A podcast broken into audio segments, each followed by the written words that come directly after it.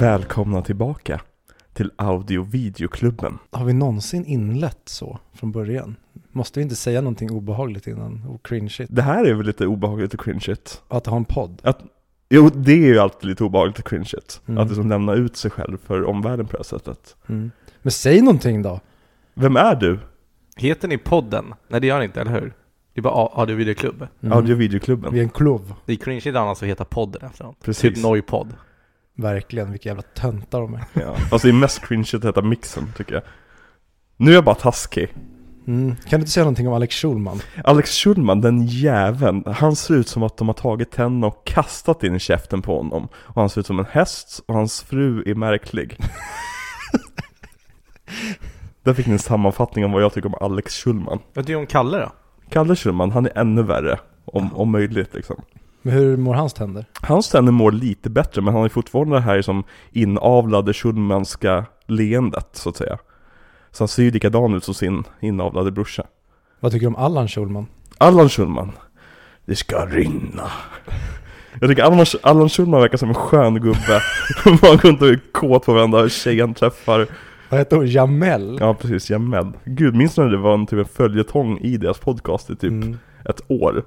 Att han hånade hans pappa hela tiden och sa att han bara knullade och ville knulla Jamel. Vi har med oss en gäst idag. Ja, Mm. vem är du? Fredrik Pillberg. Även känd som Fredrik. Har vi mötts förut? Från 100 Mic Podcast. Den jäveln, den har jag hört. Jag var även med på avsnittet som ni släppte. Har, har ni släppt det om Hans Zimmer? Konsert? Ja. Jag la upp det direkt. Vår Ja. Patreon. Ja men där finns jag också. Så gå in på och bli en Patreon så får ni lyssna på mig där. Ja men kolla, du kommer in och bara marknadsför det vi vill att du ska marknadsföra på Ja. en gång. Känd därifrån. Känd från 100 Mic Podcast. Jag antar att du har, ni har pratat om. Mm. Och eh, för de som lyssnar in the future så är du också känd från podcasten från A till öl. Mm. Fast bara A till L. Inte jag? podcasten I, inte Outlet. från A till L. Nähä, A till L. men vad fan, de- det är missed opportunity. är det? Programmet heter ju från A till Ö. Fast jag förstår Fredrik här, för att man vill ju inte börja sin liksom, titel på podcasten med ett från. Nej. Det är mycket snyggare att börja med ett stort A. Ja, jag förstår det, men då finns ju inte referensen där. Men det kanske inte var det ni tänkte på. Nej, vi tänkte att referensen var att vi dricker öl. I bokstavsordning. Jag trodde ni skulle vara Hedvig med lång näsa och Beppe Wolgers som en uggla. Ja, nej, inte den här gången. Men berätta om podcasten.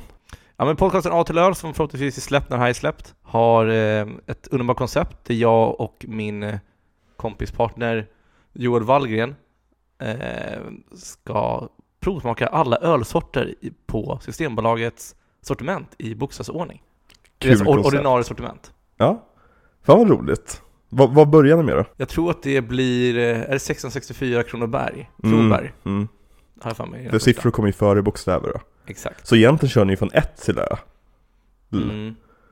Men det blir Nu saboterade jag hela idén här. Ja, Det går inte att lyssna. Nej verkligen, förlåt. Det var inte meningen. Nej men det är väl det som är lite meningen med vår, vårt namn också, att det ska finnas brister i det. Okej. För Det, in, ingen gillar en perfekt protagonist. det är lite grann som ölen. Alla öl har lite brister Mm. och det är det som gör dem unika. Förutom lager, för lager har så otroligt många olika smaker, för det är lager i lager. Nu stjäl du bara mitt skämt rakt av som jag sa under middagen. Sa han det Viktor? Nej, det är första gången jag hör det. Jesus Christ. Men har ni smakat de här iporna från, från Amerika? De som smakar apa? Jösses. Det här spårade på en gång. Viktor, får jag, får jag hälsa dig välkomna till Audio Videoklubben nu? Nu får du. Välkomna tillbaka till Audio Videoklubben. Audio, video, en bra podcast. Nej just det, jag borde egentligen köra. Fast den har ju redan kört Avengers. Ja precis, jag tänker så här, nu sitter du i en fälla. Du har inte förberett någon gång vilken melodi du ska köra med. Okej, men då får jag ta den här på volley då. Mm. Ehm.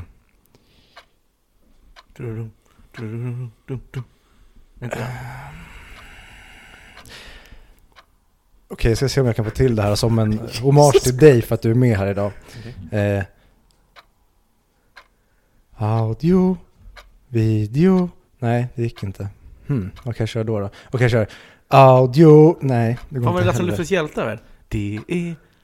Men Okej, det, det är ju räddningspatrullen. Audio, video, Det audio, videoklubben, podcast. Det är den bästa podcasten. Så, nu går vi vidare. Ja. Jag, jag borde sluta Bara med det. du som inte lyssnar på podden, Viktor har det att eh, han började hela podcasthistorien med att sjunga Audio, video, en bra podcast. Och sen så för typ några veckor sedan så började han helt plötsligt byta till eh, Three and a half men temat Och sa att han ska komma med en ny melodi varje vecka Men han har alltid glömt bort att han ska välja ut en ny melodi Så alltid när jag säger välkomna tillbaka till Audio Videoklubben Då ser jag stressen i Viktor öka med typ 1000% under några sekunder där när han försöker tänka ut vilken melodi han ska sjunga eh, Audio Videoklubben en bra podcast i.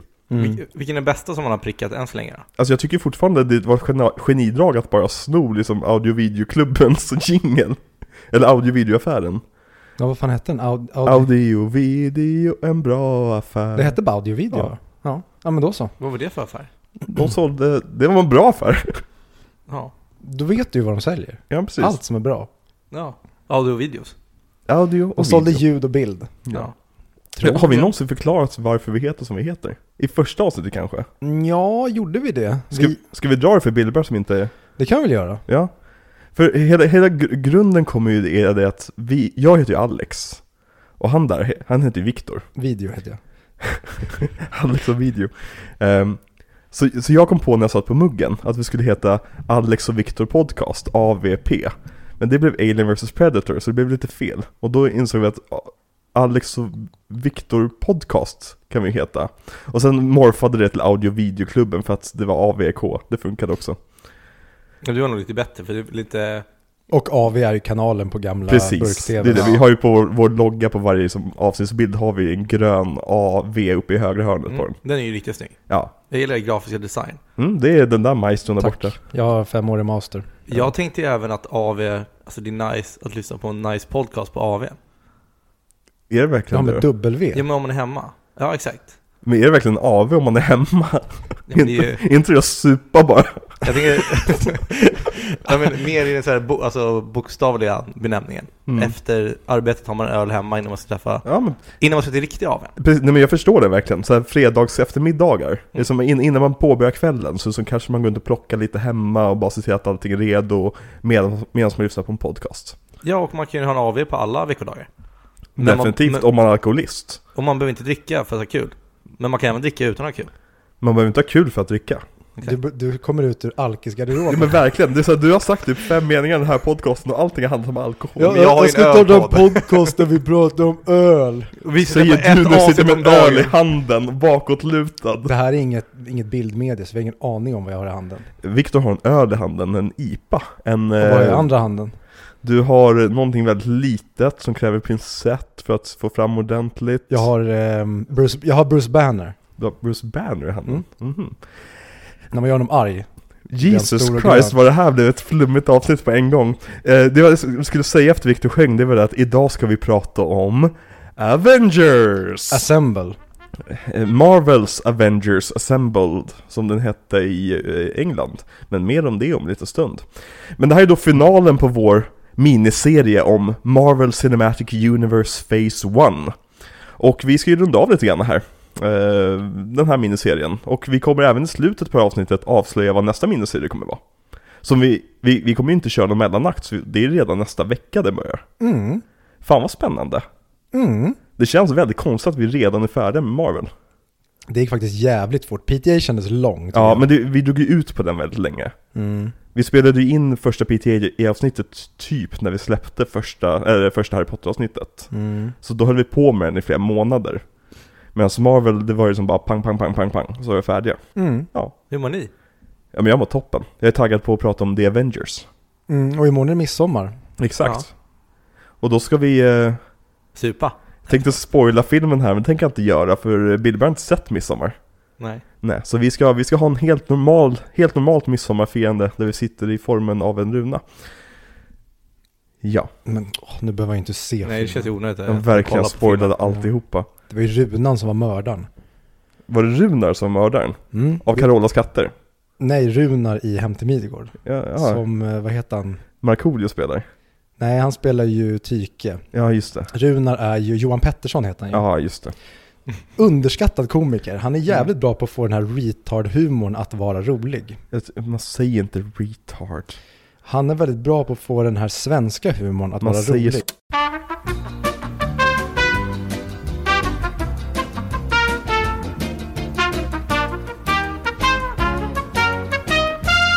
Ja, du sa ju, du sa ju att du får inte bli politisk i den här podden. Nej just det, jag, jag får inte bli politisk i den här podden Vet du hur många gånger jag brukar klippa bort saker han säger och lägga på teknisk så här. Du, du, du, du, du, du, du, du.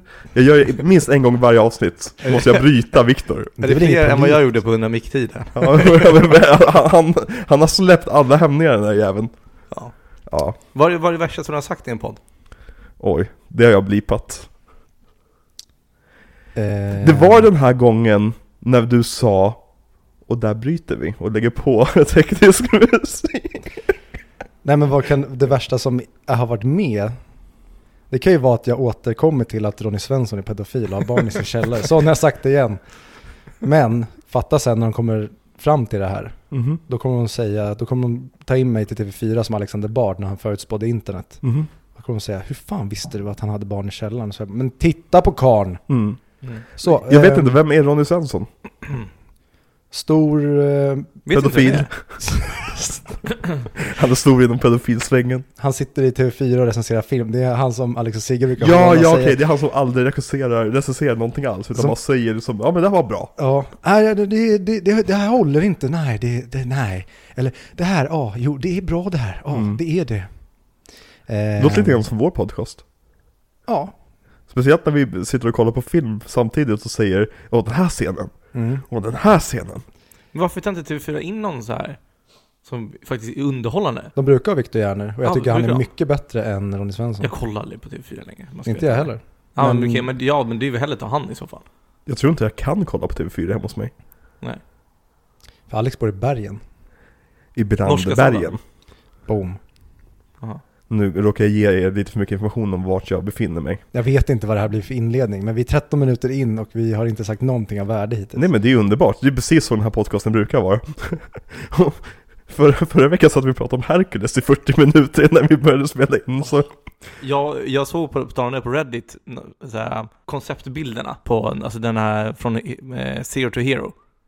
Och tydligen var ju riktiga skådespelare som dansade där Ja. som tjejerna dansar. Verkligen, det är, coolt. den är ashäftig Ja. Vi borde göra en Disney Renaissance miniserie 100%. Men ska vi, börja, ska, vi, ska vi hoppa rakt in på veckans ämne? Vi har väldigt mycket att prata om Och jag tror att vi har väldigt mycket att diskutera och, argumentera om också Jag eh, godkänner. Vad bra att du godkänner Victor. Vad ovanligt det är att se på dig på det här sättet Mm. Att ha dig nära, det är lite obehagligt Mm. För nu har vi lite annan setup nu, nu när Billberg är här Han Mm. sitter där jag brukar sitta, jag sitter där Viktor brukar sitta Och Viktor sitter bakåtlutad som en jävla pascha i soffan. Verkligen. Och som att inte det räcker så pratar idioterna i munnen på varandra hela tiden också. Vilket gör det här avsnittet till en fröjd att klippa ska jag berätta. Ja, gud, Ja, sagt, med en öl i handen och typ hand, andra handen med ett stadigt grepp om sin kuk. Eh, Ja Men vi ska ju sagt prata lite grann om, lite grann, eller väldigt mycket om Avengers i det här avsnittet också Eller hur? Kan du inte kalla dem för hämnarna? Hämnarna För vi är faktiskt i Sverige. Vingadoret Okej? Ja. För Vingadoret, som vi redan har gått igenom en gång tidigare i den här podcasten i vårt Iron Man-avsnitt.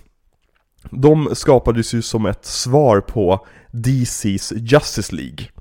I det att de skulle vara de här lite mer vanliga personerna som formar ett lag och inte de här enorma gudarna där alla liksom är ofelbara människ- eh, varelser och människor. Klint! Ursäkta? Klint. Klint? Han heter väl det? Barton? Hawkeye. Jaha, du menar, ja, det var jävligt Ja. märkligt. Jag har Alltså, hört ni, någon ni kommer bli förvånade över hur mycket koll jag har på Marvel. Alltså, det är inte Barton kallar han och det är inte Hawkeye, det är Mm. väldigt Klint. Vi är på first name basis. Först när du sa en hint. Då sa jag, "Men Om vad då? Jag ska börja säga random ord istället bara. Ja, ja, men det är ju det du gör typ. Och sen klipper jag ihop så att det låter som att du gör ordentliga meningar. Mm. Jag måste säga, jag är jävligt stolt över en grej i, eh, jag tror det var Iron Man 2 avsnittet. När jag, när jag börjar prata om Cats och säger att jag har fått Cats hem på, på Blu-ray. Mm. Och så säger jag att nu kan jag veta vad en Jellicle Cat är. Och säger du, det får du berätta för mig nästa vecka. Men eftersom jag sen började berätta för dig vad en Jellicle Cat, så klippte jag i, i ditt spår så att det låter som att säga, och det får du berätta för mig nu. Och ingen har märkt att, att eh, jag klippt om det du sa. Jag märkte. Jo, men det är ju, Och jag har stämt dig. jaha, Den har bara inte hamnat i brevlådan. okej. Hur mycket vill du ha? Ja, det får du veta. Cats-DVDn. Ja men precis. Gud. En dyr jävla så här, collector's edition av Cats. Precis. Gud jag måste nästan köpa det. Mm. Har du sett Cats? Verkligen inte. Varför inte då för? Vad fan ska jag se den för? Gör Det är det! underbart. Det är den sjukaste filmen jag sett. Den stördaste trippen någonsin. Jag kommer ihåg Ricky Gervais skämt om det. Jaha. Ja, när alla tyckte det var jättestelt. När han sa att eh, Judi Dench låg och slickade sig själva i fittan. Nej, att, att, eh, att Big Fat Pussycat and then they are also...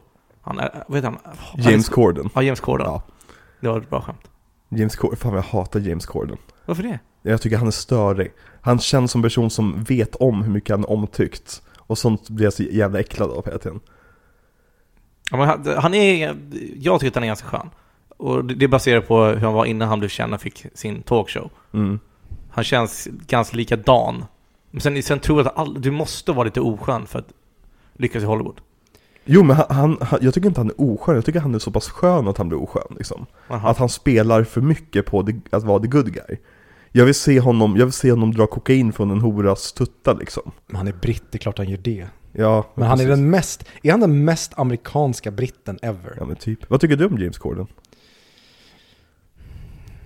Typ inga problem med honom. Jag tycker inte om honom, jag tycker inte illa om honom heller, tror jag. Jag tror jag har sett någon så här, det är väl han som gör eh, Carpool Karaoke va? Ja, Mm. precis. Ja, jag har sett någon sån och det var väl cringe, men ehm, äh, vad fan, han kapitaliserar på den här vågen. Good for him. Mm. Love you James. Han kommer ju vara med i, eh, Oppenheimer. nej, alla är med i Oppenheimer. Men eh, vad var jag skulle säga? Fan nu när du är här, du hade ju kunnat köra Oppenheimer bingo med dig istället, för Viktor. Har du inte den, den listan kvar? Vilket Eller- avsnitt var det? Det var något PTA. Ja, jo men det vet jag, men eh, jag har ju alla, alla gamla avsnittsbeskrivningar. Vi, vi kan kolla i pausen kanske. Vad är, vad är PTA? Paul Thomas Anderson. Ah. Har du sett några Paul Thomas Anderson-filmer? Vil, vilka är det? Oj, det är Hard Date har jag nog inte sett. Boogie Nights? Någon, tror jag. har sett Ja. Eh, There Will Be Blood? Nej, men den har jag på min watchlist. Jag vågar inte Den borde du se. Det är en av de bästa filmerna som någonsin gjorts. Ja, jag vet, jag har velat se den väldigt länge. Vi, vi hade med som kandidat till vår topp 100-lista. Mhm. Men eh, Black Swan vann för att alla tryck, tryck på like. Snacka om att dopa ett resultat. Ja, Vad har du planerat Viktor? faktiskt inte. Det, Nej. det var nog jag som klippte in dem, men det var ditt alternativ tror jag. ändå. Mm. Så det var inte som att jag gjorde med flit heller. Mm. Jag vill ju kampanja för Transformers minns jag. Ja. För att tvinga Viktor att se Transformers 2. Det är ju ett mästerverk. Ja, gud vi måste köra Transformers någon gång. Det är så mycket vi måste köra i den här podcasten. Det jobbiga är att allt vi måste köra är ofta dåligt. Ja, Och det är kul i teorin, men sen har man sett två av de dåliga så kanske det är fem filmer, då är man så här, nej, jag vill gå vidare nu. säger du som pushar för vår nästa regissör. Det har inte jag pushat för, jag har gått Nej, det är jag som har övertalat dig i slutändan. Så att jag kanske kommer sluta en jävla rage attack in, okej, inte första avsnittet, för det vet jag ingenting om, men i andra avsnittet, då kan det skära sig. Men, eh, Avengers, det var ju som ett svar då på Justice League. Och i första numret så manipulerar Loki Hulken att attackera The Avengers. Och de skapas då eh, för att besegra den här skurken då. Och första uppsättningen eh, bestående då av Iron Man, Thor, Hulken, Ant-Man och The Wasp. Och det teamet sätter ihop, eh, sattes ihop då av Hulkens bästa kompis, Rick Jones, om du minns honom. Han som Hulken räddade i, i sin origin story. Mm. Han är väldigt viktig i Marvels universum för att vara en, en kraftlös liten pojke som springer runt. Han blir till exempel en ersättare till Bucky för Captain America sen och så vidare. Varför är han inte med? Eh, för att eh, Edward Norton inte vill ha med honom. Äh, vad fan, han, de kan väl bara göra ett nytt intro på Avengers igen som de har gjort på varje Jag, jag skulle jättegärna se att de har med Rick Jones, det är en av de här karaktärerna som verkligen saknas från Golden Age-eran, enligt mig. Eh, han och typ Namor. Kan de inte ha med Alex Jones istället? De har ju fan med, vad heter han? The Bill, frogs are gay! Bill O'Reilly är ju med i tvåan ju, Iron Man 2. Som Fox News-ankare liksom. Mhm. Vilket är lite kul nu så här i efterhand. Jag tror inte jag vet vem det är. Ja, du kommer säkert känna en av dem. Traditionen är att laget alltid är i förändring och den traditionen sattes ju väldigt snabbt. För redan i nummer två så hoppade Ulk Hulken av och Ant-Man ändrade sin identitet till kvinna. Nej förlåt, till Giant Man. Och det vet ju alla som har hållit på med idrott att om man inte värvar nya spelare då stagnerar man och rör man sig inte framåt då står man still och står man still då går man bakåt för alla andra går framåt. Så det är skitbra att man har en bra sportchef i Avengers så att de hela tiden byter ut spelarna när de börjar bli mätta efter varje seger. Och här har vi ju också en stor skillnad mot till exempel Justice League, där det verkligen är liksom core-hjältarna eh, var, i varje iteration av Justice League. Vi har alltid Batman med, vi har alltid Flash med, vi har alltid Green Lantern med, Green Arrow, Superman och så vidare. Du glömde Cyborg, den bästa hjälten. Cyborg är ingen Justice League-medlem, han är en Teen Titans-medlem. Jag vet inte hur många gånger jag ska skriva brev till Zack Snyder om det här, men Men I den filmen jag såg som hette Justice League så är han med. ja, men den filmen bör du inte se. Vad har jag sagt Jag om har det här? sett två varianter av den här filmen. Ja, tyvärr finns det. Det är en av två filmer det finns två varianter av. Och så väljer de att göra det med Justice League. Men vadå, vi kommer ju prata om Justice League idag om vi ska prata om Joss Whedon. Vi... Dun, dun, dun. Dun, dun, dun. Ja. Eh, men eh, Captain America gick ju med, eh, som bekant, som vi gick igenom förra veckan, i nummer fyra då. Och han blev ju då ledaren över teamet. En position som han håller än till idag egentligen. Från att bara joina så tog han över allas roller Ja. ledare. Men han var ju en naturlig ledare. Aha. Tony Stark är ju egoistisk liksom, och Thor hade ingen ledargestalt riktigt.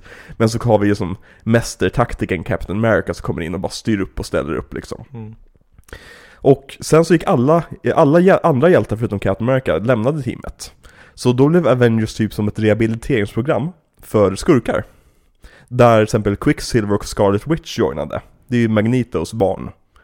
Eh, och även Hawkeye och Black Widow var skurkar som sen blev hjältar då i och med Avengers. Mhm. Men att Scarlet Witch är Magnetos barn, det har de aldrig nämnt i MCU. Eh, de, de ägde ju inte rättigheterna till Magneto förrän bara för några år sedan. Så de har ju som, det, Scar, i, i och med att Scarlet Witch och Quicksilver är så tätt förknippade med Avengers, det är Mm. som de var med i nummer fyra liksom. Så eh, har rättigheterna varit att både Fox och Marvel äger rättigheterna till dem. Mm, Men de får inte nämna att de är mutanter eller att de är Magnetos barn. Samma, samma sätt som X-Men-filmerna får inte nämna att de var med i Avengers. Hmm. Så det är som dubbla rättigheter där. Hur var det? Var, vill inte Scarlet Witch, eller försökte inte de utrota alla mutanter i någon tidning? Jo, precis, exakt. Eh, hon eh, lyckas till och med. Hon dödade alla förutom typ 200 av dem. Hon hatar sin egen ras. Ja, precis. Nej men hon, hon, hon ser väl som många andra att fan vad mutanter bara skapar problem i den här världen. Som säger no more mutants och eh, ja, gör så att alla tappar krafter. Till exempel The Blob. Eh, ni vet, vet ni vem The Blob är? Jag tror jag har hört Ät inte han någon människa? Ja, i Ultimates gör han det. Men Ja. eh, han, han är jättetjock. Hans kraft är ju det att han har ogenomtränglig hud. Eh, och är jättefet. Och när han tapp- jag tänkte det, är det hans kraft eller bara? Nej men det är hans Matvanor. kraft, för när han tappar krafterna så blir han smal. Men då är han, och han, han blir så deprimerad av det här, eh, för han har hud som hänger över hela kroppen. Så han försöker begå självmord. Men hans hud har så många lager att han kan inte skära eh, handleden av sig. Det låter som ehm, Guardians of the Galaxy-mannen, vad heter han? Som har regisserat Guardians of the Galaxy. James Gunn? James Gunn, det låter som James Gunn-humor. Jaha, jag tror du ska, det låter som James Gunn, så här, när då? Det låter, låter som Ronny Svensson. Det låter som en, Boom! Jag vet inte, det här skämtet landade inte fem öre. Men på tal om Quicksilver, Mm. tyckte ni också att eh, Quicksilver i X-Men-filmen, eller filmerna, Mm. är mycket bättre? Det För, där kommer att den scenen, när de står med pistoler och de har fritagit jag, jag, Magneto. jag håller med dig till 100% men vi kommer gå in på Quicksilver när vi pratar om Age of Ultron. Okej. Då får du jättegärna vara med också. Ja men du måste vara med i Age of Ultron för då har vi poddat om alla Avengers-filmer. Ja, Ja, exakt. Men uppsättningen ändrades konstant i Avengers och Tony byggde till slut ett högkvarter av sitt eh, gamla hem. Det är Avengers Mansion. Där de hade då butlern Jarvis som gick runt och passade på dem. Och han var ju så här typisk Alfred Butler liksom, gick runt med blickar liksom Oh you want another martini sir? Och det tycker jag är så jävla snyggt att de har gjort honom till en AI i MCU. Mm. Att liksom, det passar ju inte att ha en riktig butler längre, utan de måste göra någonting med det. Och då liksom använder de sig av Tonys färdigheter och skapar Jarvis istället. Det är ett genidrag. Verkligen. De borde ha haft roboten från Rocky-filmerna istället. Happy birthday Polly. Mm. Mm, den, den som inte är med i den nya versionen. Eller i och med att de nu äger Star Wars, kunde de haft 3PO. Ja, ah, nice. Det kunde de ha. Eller TC-14. Mm. Hon som kommer med tet i början på ettan. Eller Boba Fett. Men han är ingen robot. Lola? Det är klart han är en robot, det ser man ju. Nämn inte den serien. Vem? Lola? Vem är Lola? Det är Leias robot. Ja just det, så, jag såg klart Obi-Wan-serien igår. Jag har ingen aning om vem den Lola var ju en av de viktigaste karaktärerna. Just det, vad var det hon sa? Att hon får folk att glömma att det är jobbigt. Mm. Viktigt. Men Avengers har ju sedan det här tillfället varit då kärnan i Marvels universum. Och det här, är ju- de tar ju tas ju alltid fram när stora events på gång. Och det är ju också oftast liksom samlingsnamnet för liksom den grupp hjältar som försvarar jorden just den här veckan. De är The Avengers liksom. Och Avengers har ju funnits liksom konstant ända fram till modern tid. Men efter Civil War, eh, där hjältarna slogs mot varandra över om superhjältar ska registreras eller inte, eh, så splittrades Avengers i The New, New Avengers, ledda av Luke Cage. Det bestående då av medlemmar som motsatte sig registreringslagen. Luke Cage. Mm. Varför får han vara kapten? För att han är fett awesome. Okej. Power Man! Sweet Christmas! Okej. Ja. Vänta, spelas han av den svarta snubben i The Boys? Eller är Nej. jag bara rasistisk? Det, det var du som är väldigt rasistisk, de är inte ens lika vända. Nej, men då går vi vidare då. Japp, vi kanske borde klippa det här då. Eh, men, och andra laget var då The Mighty Avengers, eh, Tony Starks regeringssponsrande lag. Men efter att Norman Osborn räddade världen, i en väldigt lång historia som jag inte tänker dra igenom, så blev han ledare över Shield och skapade The Dark Avengers. Där hjältar blandades med skurkar utklädda till hjältar. Så till exempel Bullseye var deras Hawkeye, till exempel. Och, Venom var deras Spider-Man. Men efter att Osborn besegrades återstod, återuppstod The Avengers som är som det klassiska teamet. Och har varit aktiva mer eller mindre sedan dess.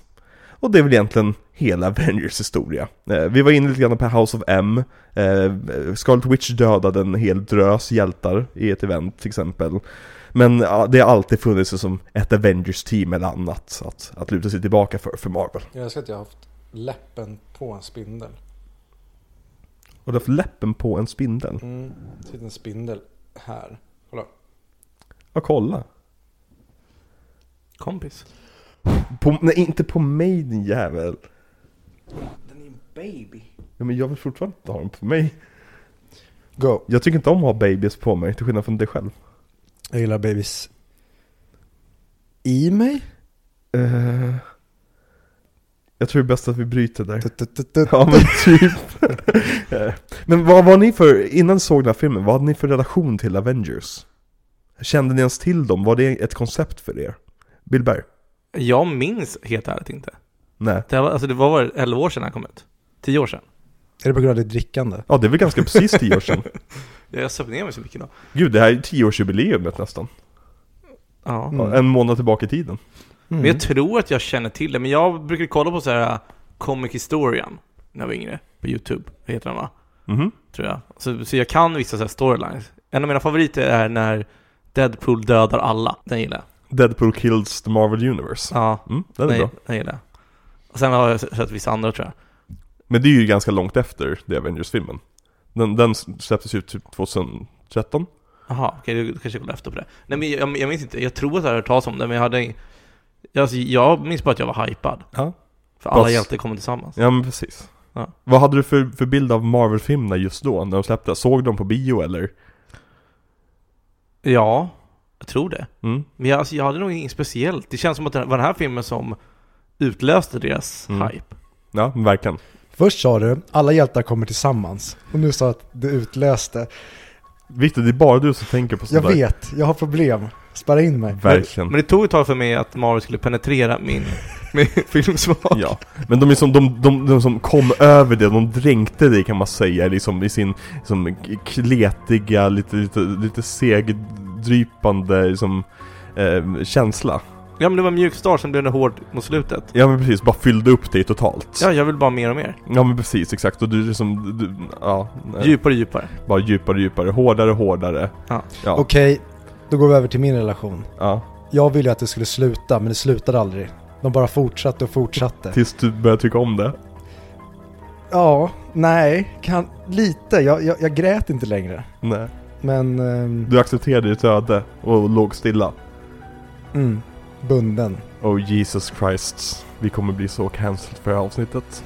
Ja, vi, vi är tre blonda vita män som sitter och är odrägliga i en podcast. Ja. Jag ska säga, Billberg är inte lika mycket Hitlers våta dröm som jag och Viktor, men det är fan mig nära ändå. Det är som... Jag är den enda här som är fjärdedels tysk. Du Ja, var men- jättevåt. Fan, du, du gör inte the case bättre genom att berätta att du är fjärdedels tysk. Fan, du är ju en perfekta nazin.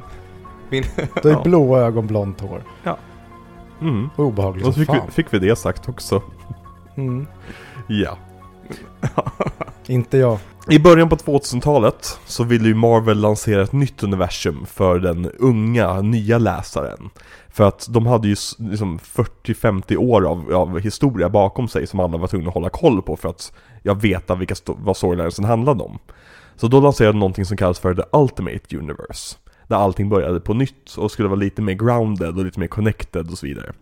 Och det universumet la ju verkligen grunden för Avengers Marvel MCU-universumet. Det är väldigt mycket som är hämtat därifrån. Eh, till exempel så, eh, det är där Samuel L. Jackson som Nick Fury introduceras. De baserade designen på Nick Fury eh, efter Samuel L. Jackson.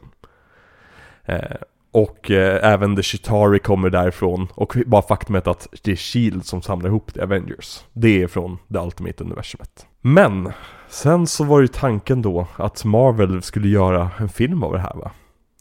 Men det är väldigt svårt att göra en film av The Avengers till skillnad från deras andra hjältar. Det är som en Hulken-film, ja men du gör en Hulken-film liksom. Eller en Thor-film, ja men du gör en Thor-film. Men The Avengers, det kräver ju väldigt mycket antingen förarbete, eller att det blir en gigantisk jävla stor film. För du kan ju inte bara introducera fem hjältar i ett, ett svep. Och de hade ju som egentligen inga större försök att, att göra en film av Avengers förrän Marvel Studios grundades. Och det var ju en del av pitchen till Merrill Lynch. Eh, banken alltså. Eh, för när Marvel Studios grundades så tog de ett lån av banken Merrill Lynch på 500 miljoner dollar för att finansiera sina filmer. Med sina karaktärsrättigheter som pant. Så hade inte första tre filmerna gått bra, då hade Marvel förlorat alla rättigheter till sina egna karaktärer. Som hade nu idag ägts av av en bank. Men i pitchen så sa de ju just det att, men vi kommer ju göra en film med Captain America, en med Iron Man och en med Thor. Och sen så möts de allihopa i Avengers-filmen. Och Merrill Lynch-investerarna tyckte ju att, ja men det här låter ju asfett faktiskt. För oss. Ja men precis, exakt. Vi, antingen kommer vi tjäna pengar eller så kommer vi få karaktärsrättigheter, så Mm. bring it on liksom. Fan vad, tänk att sitta i de positionerna och hela tiden vara de som, ja ja, oavsett hur det går för dig så tjänar jag pengarna. Ja, verkligen. Whoever wins, nej, whoever loses we win. Motsatsen till AVP.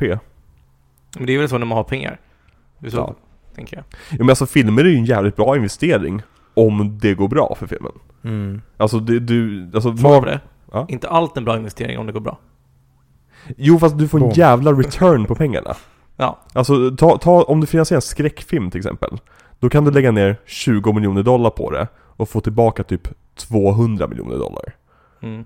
Det är en väldigt bra investering. Ja men det var jävligt intressant att höra deras villkor. Alltså Mm. räntan och amorteringskraven och allting där. Ja för du är ju en ekonomiskt lagd person som tänker på sånt. Men jag jobbar på bank, det är därför. Ja precis, exakt. En riktig bankman. Ja men det är, det är intressant. Men skitsamma, fortsätt. Det, är, det är bra tycker jag. Bra genomgång. Ehm. Jo, efter framgångarna då med Iron Man så kände de att nu är, nu är läget korrekt här. Nu kan vi faktiskt börja satsa på det här. Så då annonserade de att målet som vi har, det är att göra en Avengers-film. Och det avslöjar de också med sin after credit-sekvens i Iron Man. När Nick Fury kommer in och rekryterar Tony Stark till The Avenger Initiative. Och sen var de tvungna att börja producera filmen också. Och i vanlig ordning så tar de in Zack Penn. Viktor, minns du vem Zack Penn var? Han är väl en sån här kille som gillar att skriva? Ja, han är en sån här film, kille som älskar att skriva och som är polare med A.V.A. Rod. Som är då en av producenterna hos Marvel under den här tiden. Mm. Som har producerat några av de sämsta filmerna som någonsin gjorts. Och Zack Penn har skrivit de filmerna. Vilken är det då? Även typ såhär Elektra. Eh, Fantastic Four-filmerna från 2000-talet, Ah, X-Men 3, Wolverine-filmen. Han har gjort första Daredevil också Ja, ja men precis, exakt. Ja. Det är den, de skitfilmerna. De riktiga Avengers. Ja. Och Zack Penn skrev ju också din favoritfilm, The Incredible Hulk. Mm. Jävla dänga. Men jag, antar du är oseriös nu. Ja, jag hatar Men är inte Hulk-filmerna... Alltså finns det en enda bra Hulk-film? Är inte det en ganska ointressant story? Jo, Det är väl, Handlar inte den här filmen om Hulken? ja jag skulle säga att det här är den intressanta Hulk-filmen. Eh, Ja, håller med. Mm. Men, och, och som, som med förra veckans film, så var det en viss man som kontaktade Marvel och sa att jag erbjuder mina tjänster. Och det var Louis Leterrier, regissören för Åh. Hulken-filmen. Den bästa killen. Ja. Och John Favreau var också påtänkt ett väldigt långt tag att regissera Avengers-filmen. Men han hoppade av frivilligt för han skulle regissera filmen eh, Magic Kingdom för Disney. Vad hände med den? Den blev aldrig av för att Disney insåg att det är bättre att göra tio filmer om olika attraktioner vi har än en film om alla attraktioner vi har på Disneyland. De borde gjort deras MCU där. Ja. För, för att Magic Kingdom, för den som inte vet, det är liksom, det är en del av Disney, Power, eh, Disney World. Det är som där slottet finns och allt sånt där. Har du varit på Disney World? Jo men det måste du ha varit. Jag var på Disney World men jag var inte vid medvetande då. Ja, okej. Jag var väl kanske Var tre full? år. Jag var tre år och väldigt full. ja, du frågade mig något avsnitt om jag varit på Universal Studios. Det har jag också varit, men jag var tre år och väldigt full. Ja, Okej. Har du varit på Disney World eller Disneyland? Ja, men i Paris. Vad tyckte du? När var du där? Oj, jag, kom, jag var också väldigt liten. Jag kommer Mm. ihåg att de hade sockrade popcorn och jag vet förbluffad. Mhm. Ja, det var ju väldigt ovanligt, speciellt under den tiden i Sverige. Men jag har aldrig ätit lika goda popcorn sen dess. Nej, det är Disney. Men sen, eh, ja, men det var väl nice teori liksom. Mm. Ja men verkligen. Jag minns, det enda jag minns från den tiden, eller tiden, jag var där väldigt lång, lång, under en lång period. Nej men under den resan till Disney, Disneyland och i Paris också. Det var det är ju jävla långa kötider det var. Mm. Alltså typ Space Mountain fick man ju köa i två timmar. Men det var ju värt det för det var en jävla häftig ride. Men fortfarande. Det är ju verkligen problemet med nöjesfält. Det är ju att Ja. alla rides är svinroliga. Men du ska alltid köa i 711 timmar. Ja men om, om jag åker till ett nöjesfält igen då köper jag fast track. Om det finns. Mm. Jag var på Grönan helgen innan de stängde i höstas för att min kompis fru är Mm. parkchef där. Jag tror du säga hon är grönan. Hon är Gröna Lund. Så vi... Nej, jag ska inte gå dit. Ehm, nej, så vi, vi fick alla, mm, vad säger man, VIP-grejer som gick. Så vi gick före alla köer. Så det var som att vara ett barn igen, att man kunde åka allting. Känns inte som någon lyssnar på det. Ja, det finns inte VIP- VIP-saker. Vad sa du? Låtsas vara intresserad. Vad sa du? Berätta mer. Tack. Nej, det jag sa var att, så att vi, fick gå, vi fick spela hur mycket vi ville på alla stånd. Varför hamnade jag där? Vad heter det då? Det i stånd. Ja, sluta sexualisera allt Fredrik. Finns inte en väldigt rolig sketch när på grön... Vilket stort stånd du har! Och så står det och intervjuar någon med grönsaksstånd. Det, jag känner igen det här. Ja. Jag vill tänka att det är Johan Glans som har varit med. Kan det vara Kvartersgatan? Nej, det kan inte ha varit. Ja, skitsamma. Säkert. Ja, men du, du, spelar, du spelar mycket på deras stånd. Ja, nej men så att man, man fick spela hur mycket man vill på alla olika stånd. Man fick åka alla attraktioner utan att stå i kö. Så att det var verkligen som att vara 6-7 år igen och vara i drömvärlden. Men återigen måste jag som alltså, språkpolis komma in där. Får man inte alltid spela hur mycket man vill på deras stånd? Jo, Så länge du betalar får du väl spela hur många Eller blir du lurad? Alltså så länge du betalar för att spela hur mycket du vill den här gången. Du bara ja. Det är så här, så här, får? Wilbert, Victor är så otrevlig mot servicepersonalen så de säger åt dem att nej men nu har du fått dina två gånger här, nu måste du gå iväg. ja, men jag är som eh, Sune och Håkan när de är i eh, köpcentret och vill ha mer pannkaka. Så nej, nu räcker det. Och står jag och säger snåljåp. Och sen så kastar de ut mig. Verkligen. ja men det, det måste väl ha varit någon så här snarare att Alltså att du fick spela men inte vann priser. Nej, vi fick spela mycket vi vill. Gratis. Ja, Och, och vinna priserna. ja. Ja fan vad nice. Jag vann bara en sån här stor jävla basketboll. Körde du inte bara äh, wheelet tills du vann en stor Marabou? Nej men de fick, alltså spelen fick man köra. Jaha, typ såhär skjuta och sånt där. Ja, sen hade, det var någon deal också med att vi fick köra ett visst antal hjul. Mm, Mm. Det låter rimligt. Ja, men jag kommer inte ihåg. Det var verkligen max, max, max paketet. Det var awesome. Det är en av de bästa dagarna i mitt liv. Du, kan, du kunde ju ha gjort som Alex Schulman.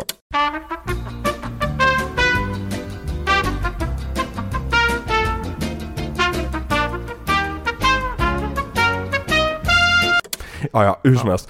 Zack Penn togs in för att skriva manuset till den här Avengers-filmen och eh, kontraktet säkrades med alla skådisar.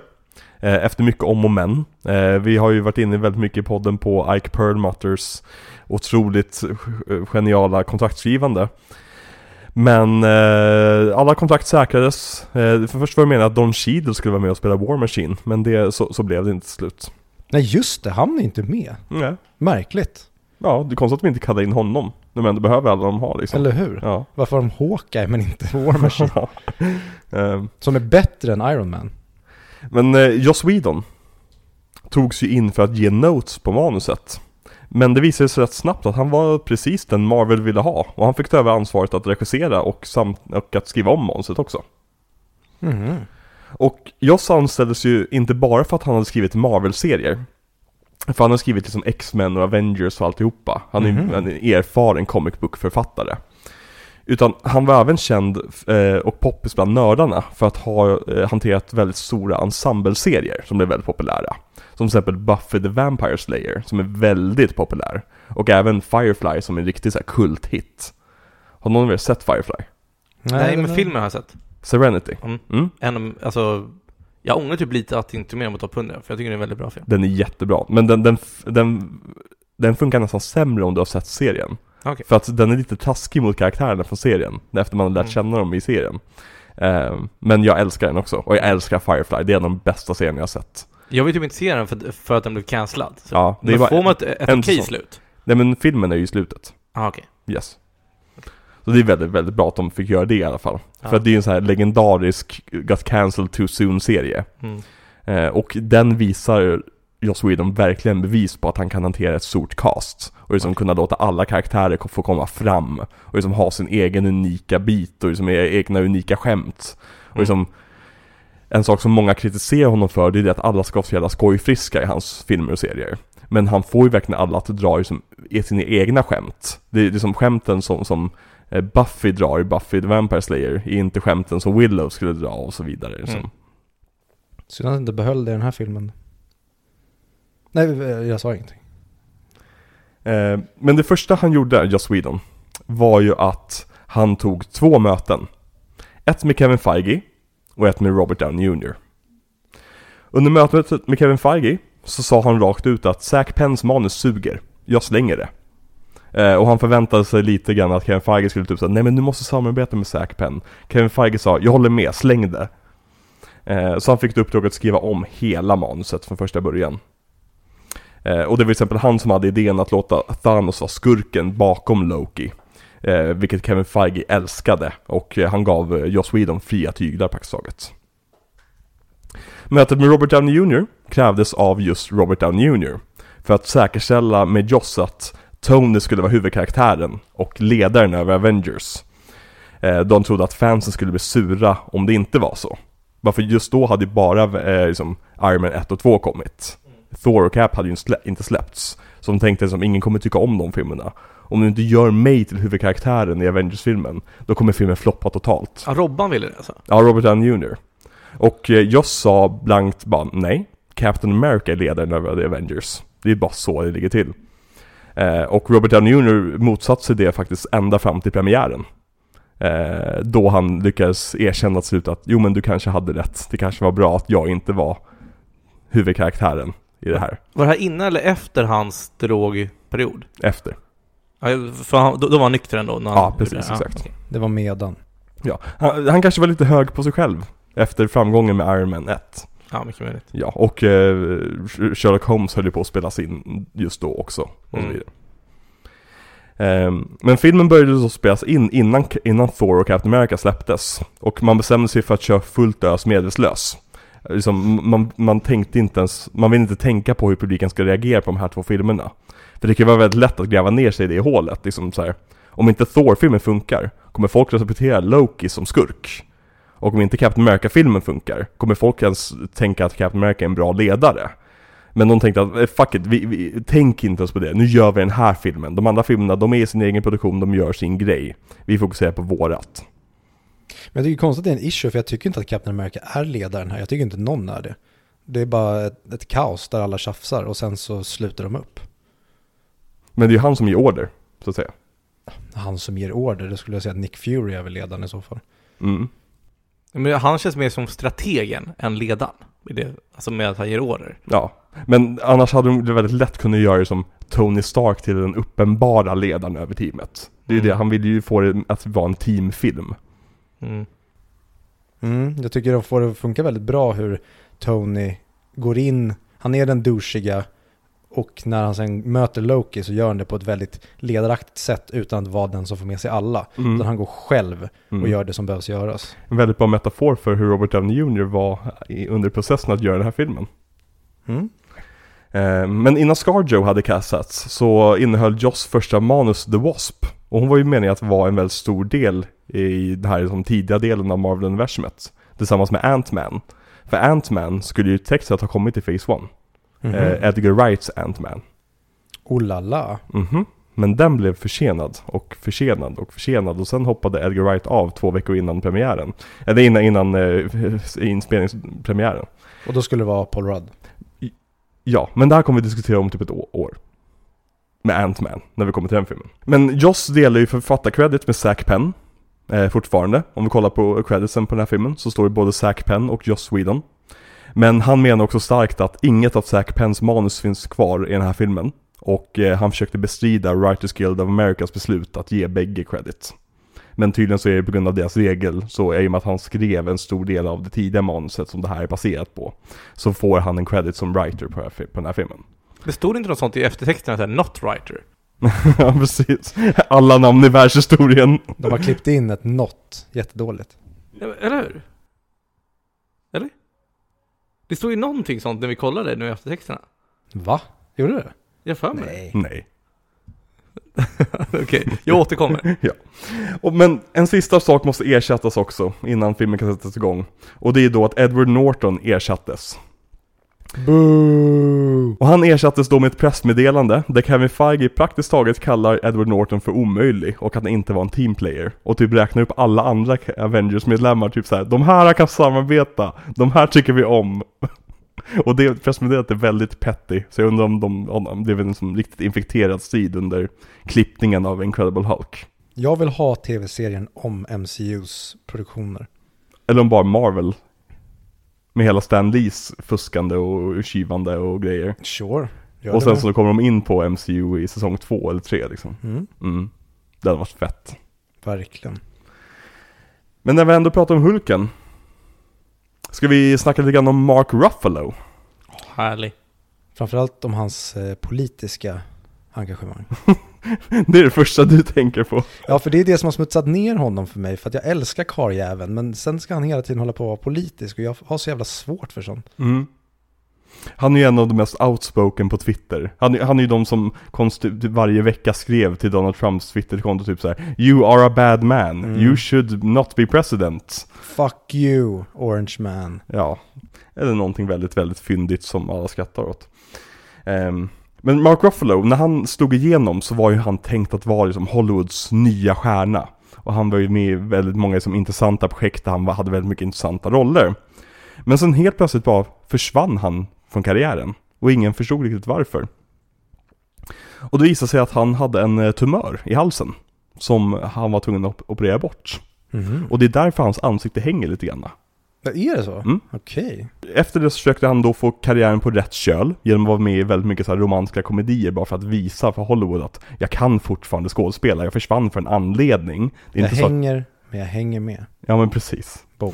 Så han var ju med till exempel 13 going on 30, som jag minns vi såg när vi var små. När kom. såg den på bio? Ja, eller, eller hur? Visst Mm. gjorde vi det? Väldigt charmig. Ja, faktiskt. Jag såg om den för något år sedan. Håller inte för fem öre. ja. Men han, han gick också rätt långt i kampen om, om den här rollen som Hulken då, eller Bruce Banner. Och eh, det som egentligen fick honom att tippa över till att jo men jag kanske vill göra det här, det är det att Robert Downey Jr. sa till honom, för de kände varandra sedan Zodiac. Mm. Fattar vi med Zodiac? Mm. Mark Ruffalo? Ja, vad spelar han för roll? Han spelar journalist. Eller hur? Det gör han alltid. Ja, det är väl de tre, alltså de två plus Jake Gyllenhaal, men jag kommer inte ihåg vem som riktigt är vem. Det var Nej. länge sedan jag såg den. Jag med. Jag har ju Director's Cut, vi borde se den ikväll. Det är Prisoners. Nej, Zodiac. Zodiac. So, eh, då är Jake Gyllenhaal i uh, journalisten. Mm, Okej. Vem Mark spelar Mark Ruffalo? Det kommer jag inte ihåg. En polis kanske? Han borde vara det. Ja. Ja, kanske. Så är han inte ens med. Nej, precis. Nej, Men men Now Robert You. See med mig. Ja! I vilken då? Now You See Me. Ja, ja. Louis Leterrier. Vår Mm. favorit. Nej men Robert Downey Jr sa ju till honom att liksom så här, vi har skitroligt under de här inspelningarna av, av Marvel-filmerna. Du borde komma och bara join oss och du kommer få den fetaste paychecken i världshistorien. Och dessutom kommer du kunna få alla dina så här indie-projekt finansierade efter det här. Varför du kommer vara en gigantisk stjärna på himlen som alla människor kommer känna igen. Du, du är dum i huvudet om du inte tar rollen. Och då sa Mark Ruffalo, jo men det låter intressant, jag är up for grabs. Liksom. Jag kan vara med på det här. Och fan vad synd att han inte spelar Bruce Banner i Incredible Hulk. Mm, det är synd att de inte har honom för, för första, första början. Verkligen. Men det är lite kul, just hur han fick reda på att han fick rollen är väldigt speciellt. För han visste inte än eh, riktigt om han hade fått rollen. Han hade varit på auditions och liksom gjort lite screen testings och så vidare. Men en dag ringer Marvel till honom och säger att utanför dig står en taxi. Den taxin kommer åka om 10 minuter och åka till eh, flygplatsen för att åka till Comic Con. Om du sätter dig i den taxin så har du rollen som Hulken och då kommer vi presentera dig som Bruce Banner på Comic Con om fem timmar. Sätt dig i taxin så är du Hulken. Nice. Och han satte sig i taxin och åkte iväg. Väldigt kul Hollywood story.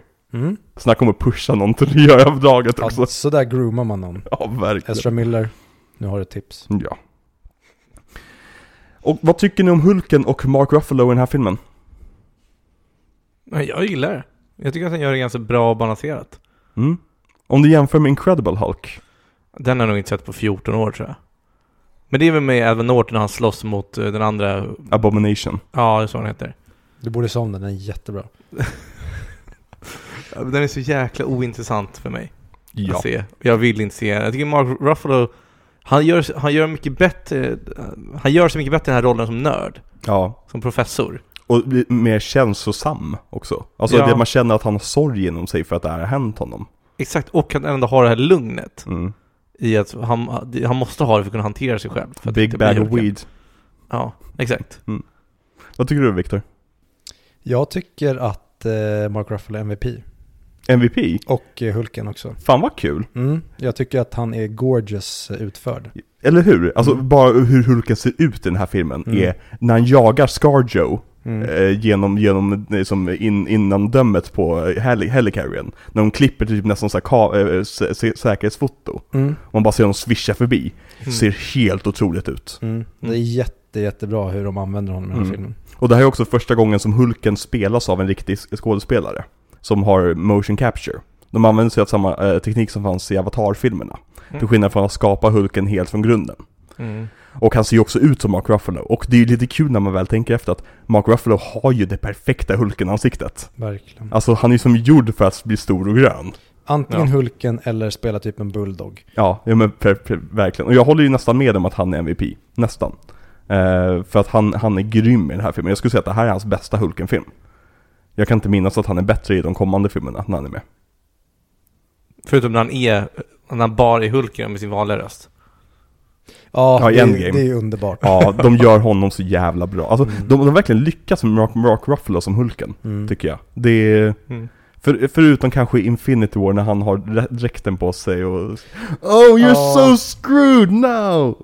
Det är, no, no, mm. Mm. Men, tillbaka till Mark Ruffalo som skådis. Mm. Alltså, han är så jävla bra i eh, Foxcatcher. Mm.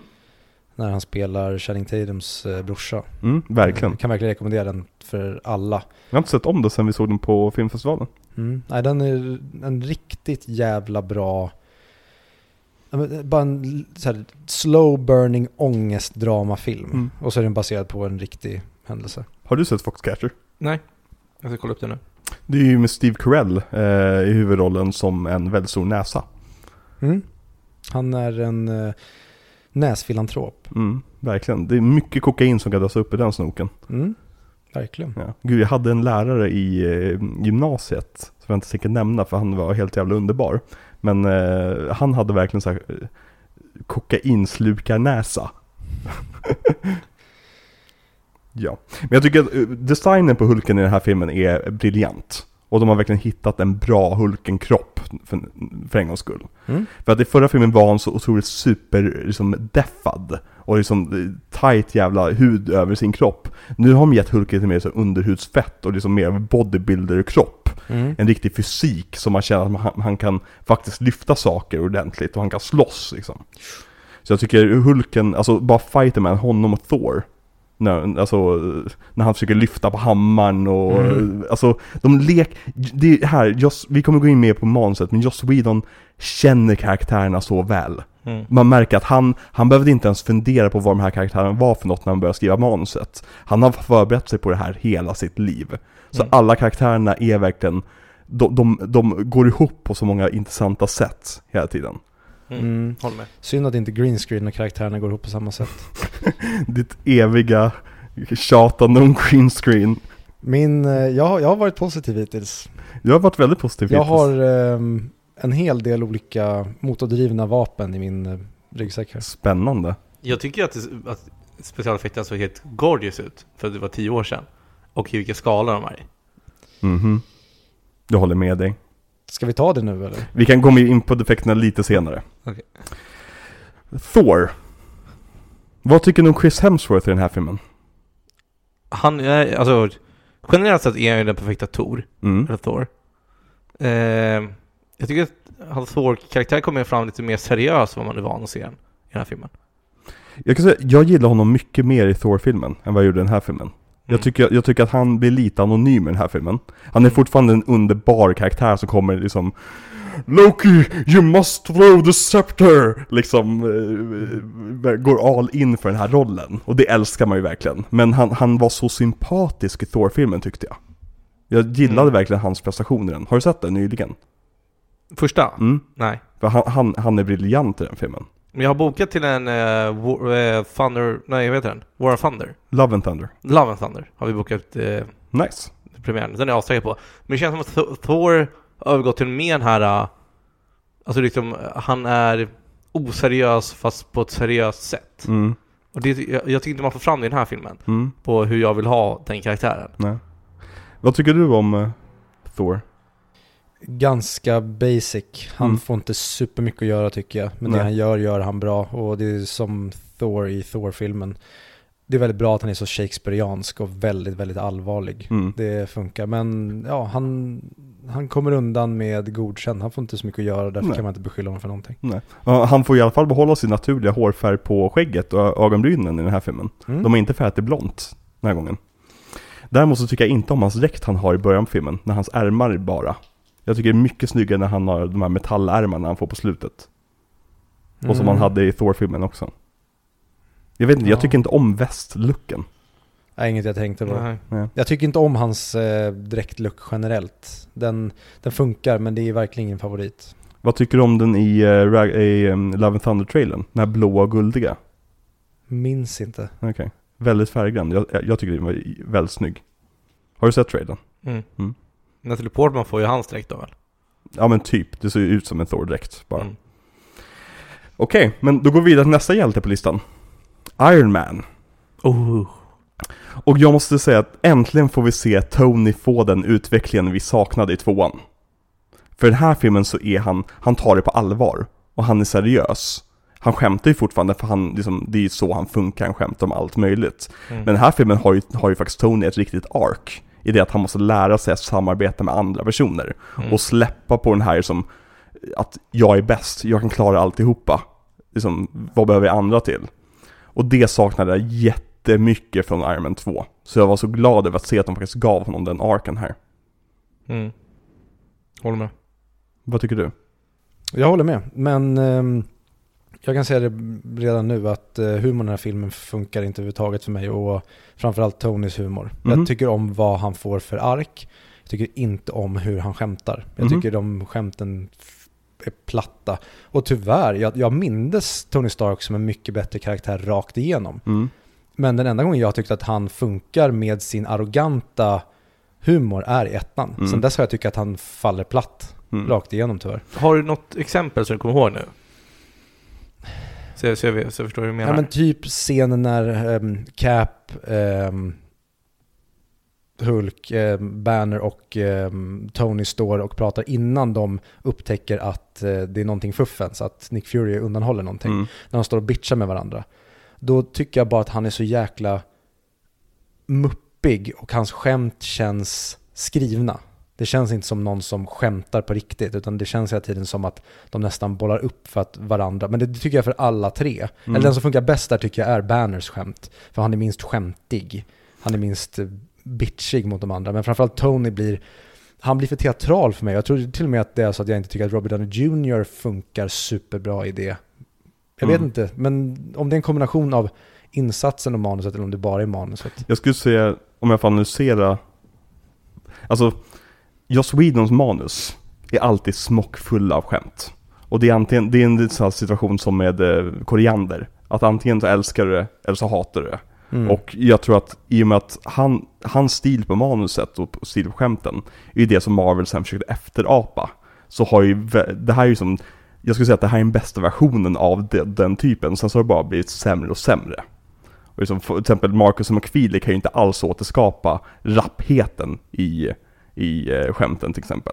Vad skriver han? Marcus McFeely, de har skrivit Endgame och Infinity War och Captain America Civil War och du vet. Ja, ah, okej. Så tänk, tänk du un- under Infinity War till exempel när de skämtar om Ben Jerrys glass. Det är ju typiska liksom, det typiska eh, Joss Whedon-skämt, men de är eh, så, alltså till för mig faller det platt. Men jag, jag tycker så mycket om Joss Whedons stil överlag. Jag förstår ju vad du menar. Och det blir för mycket liksom, men för mig är det bara, det är som att ha en stor skål med smält ost. Man säger, ja fan jag vet att det här är för mycket men jag älskar det liksom. Men det här tycker jag bara är Avengers i nötskal. Ja, och det är ju mitt problem. Det var ju här det, jag, jag gav ju den här ett försök och såg den på bio. Och det var ju just humorn som inte funkade alls för mig. Mm. Sen tycker jag att den är bättre idag när jag sett den än vad den var då. Mm. Det funkar mycket bättre. Men det är verkligen det som är mitt största problem. Mm. Tillsammans med några andra saker, men framförallt humorn tycker jag de hade kunnat kutta 70% av skämten så hade jag varit fine. För det är vissa skämt som är jätteroliga. Mm. Men vissa skämt är verkligen nej, ni borde kill your darlings här och bara låtit dem försvinna. Vet du hur mycket Robert Downey Jr tjänade på den här filmen? 100 miljoner? Nej, 50 miljoner Dollar. dollar. Fortfarande helt sinnessjuka mängder pengar. Alla andra fick 2-3 miljoner, förutom Scarjo som fick 6. Oj. Ja. Så det, det var en stor grej för att, att Robert Downey Jr gick till Disney och sa att ni måste börja betala mina kompisar bättre, de börjar hata mig. Sa han det? Ja. Och som gick ut och kampanjade för att få bättre pris, eh, löner till sina, sina kamrater. Vilket är väldigt fint. Så han fick en mycket mindre lön för Avengers Age of Ultron och de fick högre löner. Men det kommer Ja. vi prata om. om Det är ganska coolt. ändå. Ja. Men på tal om skämten innan jag går vidare ifrån. Mm. Tycker du att de var bättre här, Viktor, än i Disney Wars? För det är typ samma skämt. Nej, men du behöver inte jämföra det här med helvetet på jorden. För de skämten, alltså, men det är också, jag, återigen till att här lanseras Beam in the Sky som sen knullar hela Hollywoods blockbuster-era under hela 10-talet i röven.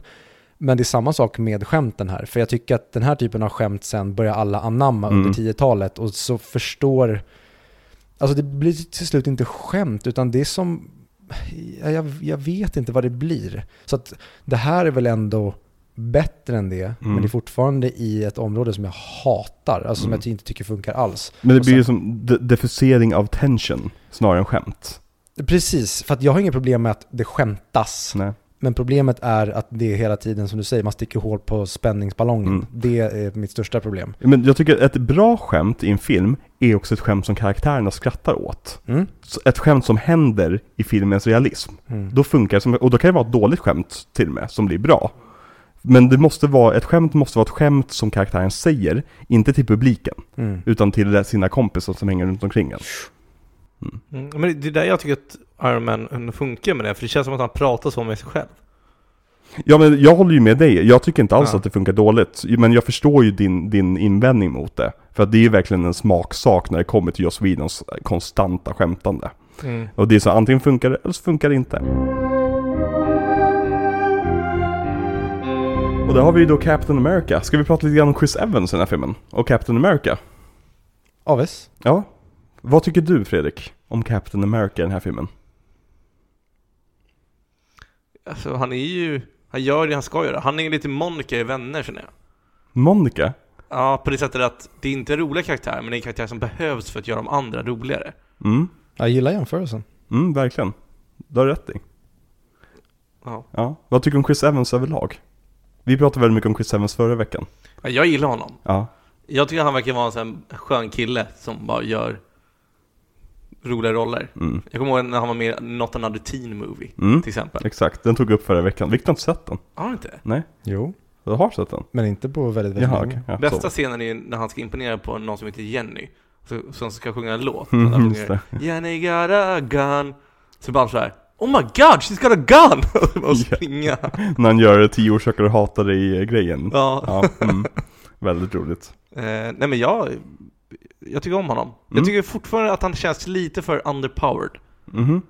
Och det är väl, Captain America 2, Winter Soldier kommer Mm. väl ut efter den här. Mm, precis. Och det är där tycker jag man verkligen får se hur cool han är. Mm. Vad tycker ni om hans dräkt i den här filmen? Ful. Mm. Väldigt ful. Jag har problem med allting ovanför axlarna. Axlarna neråt, när han, när han sliter av sig kåpan han har på huvudet, då funkar den tycker jag. Mm. Den är, han ser väldigt tanig ut i dräkten.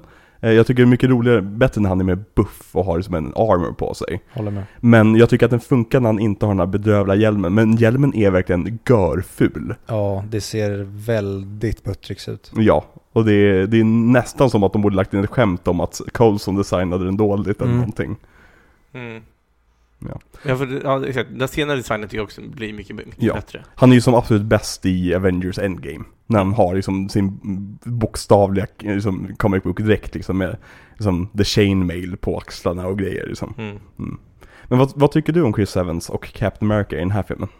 Helt okej. Mm? Han gör det han ska, eller han gör det som han gör i förra filmen. Mm. Men här är kanske inte han i centrum lika mycket och då mm, är han ju lite platt. Mm. Alltså många andra är mycket mer karismatiska, karaktärerna är mer karismatiska. De Mm. får ju mycket mer, de får göra mycket större grejer än vad han får.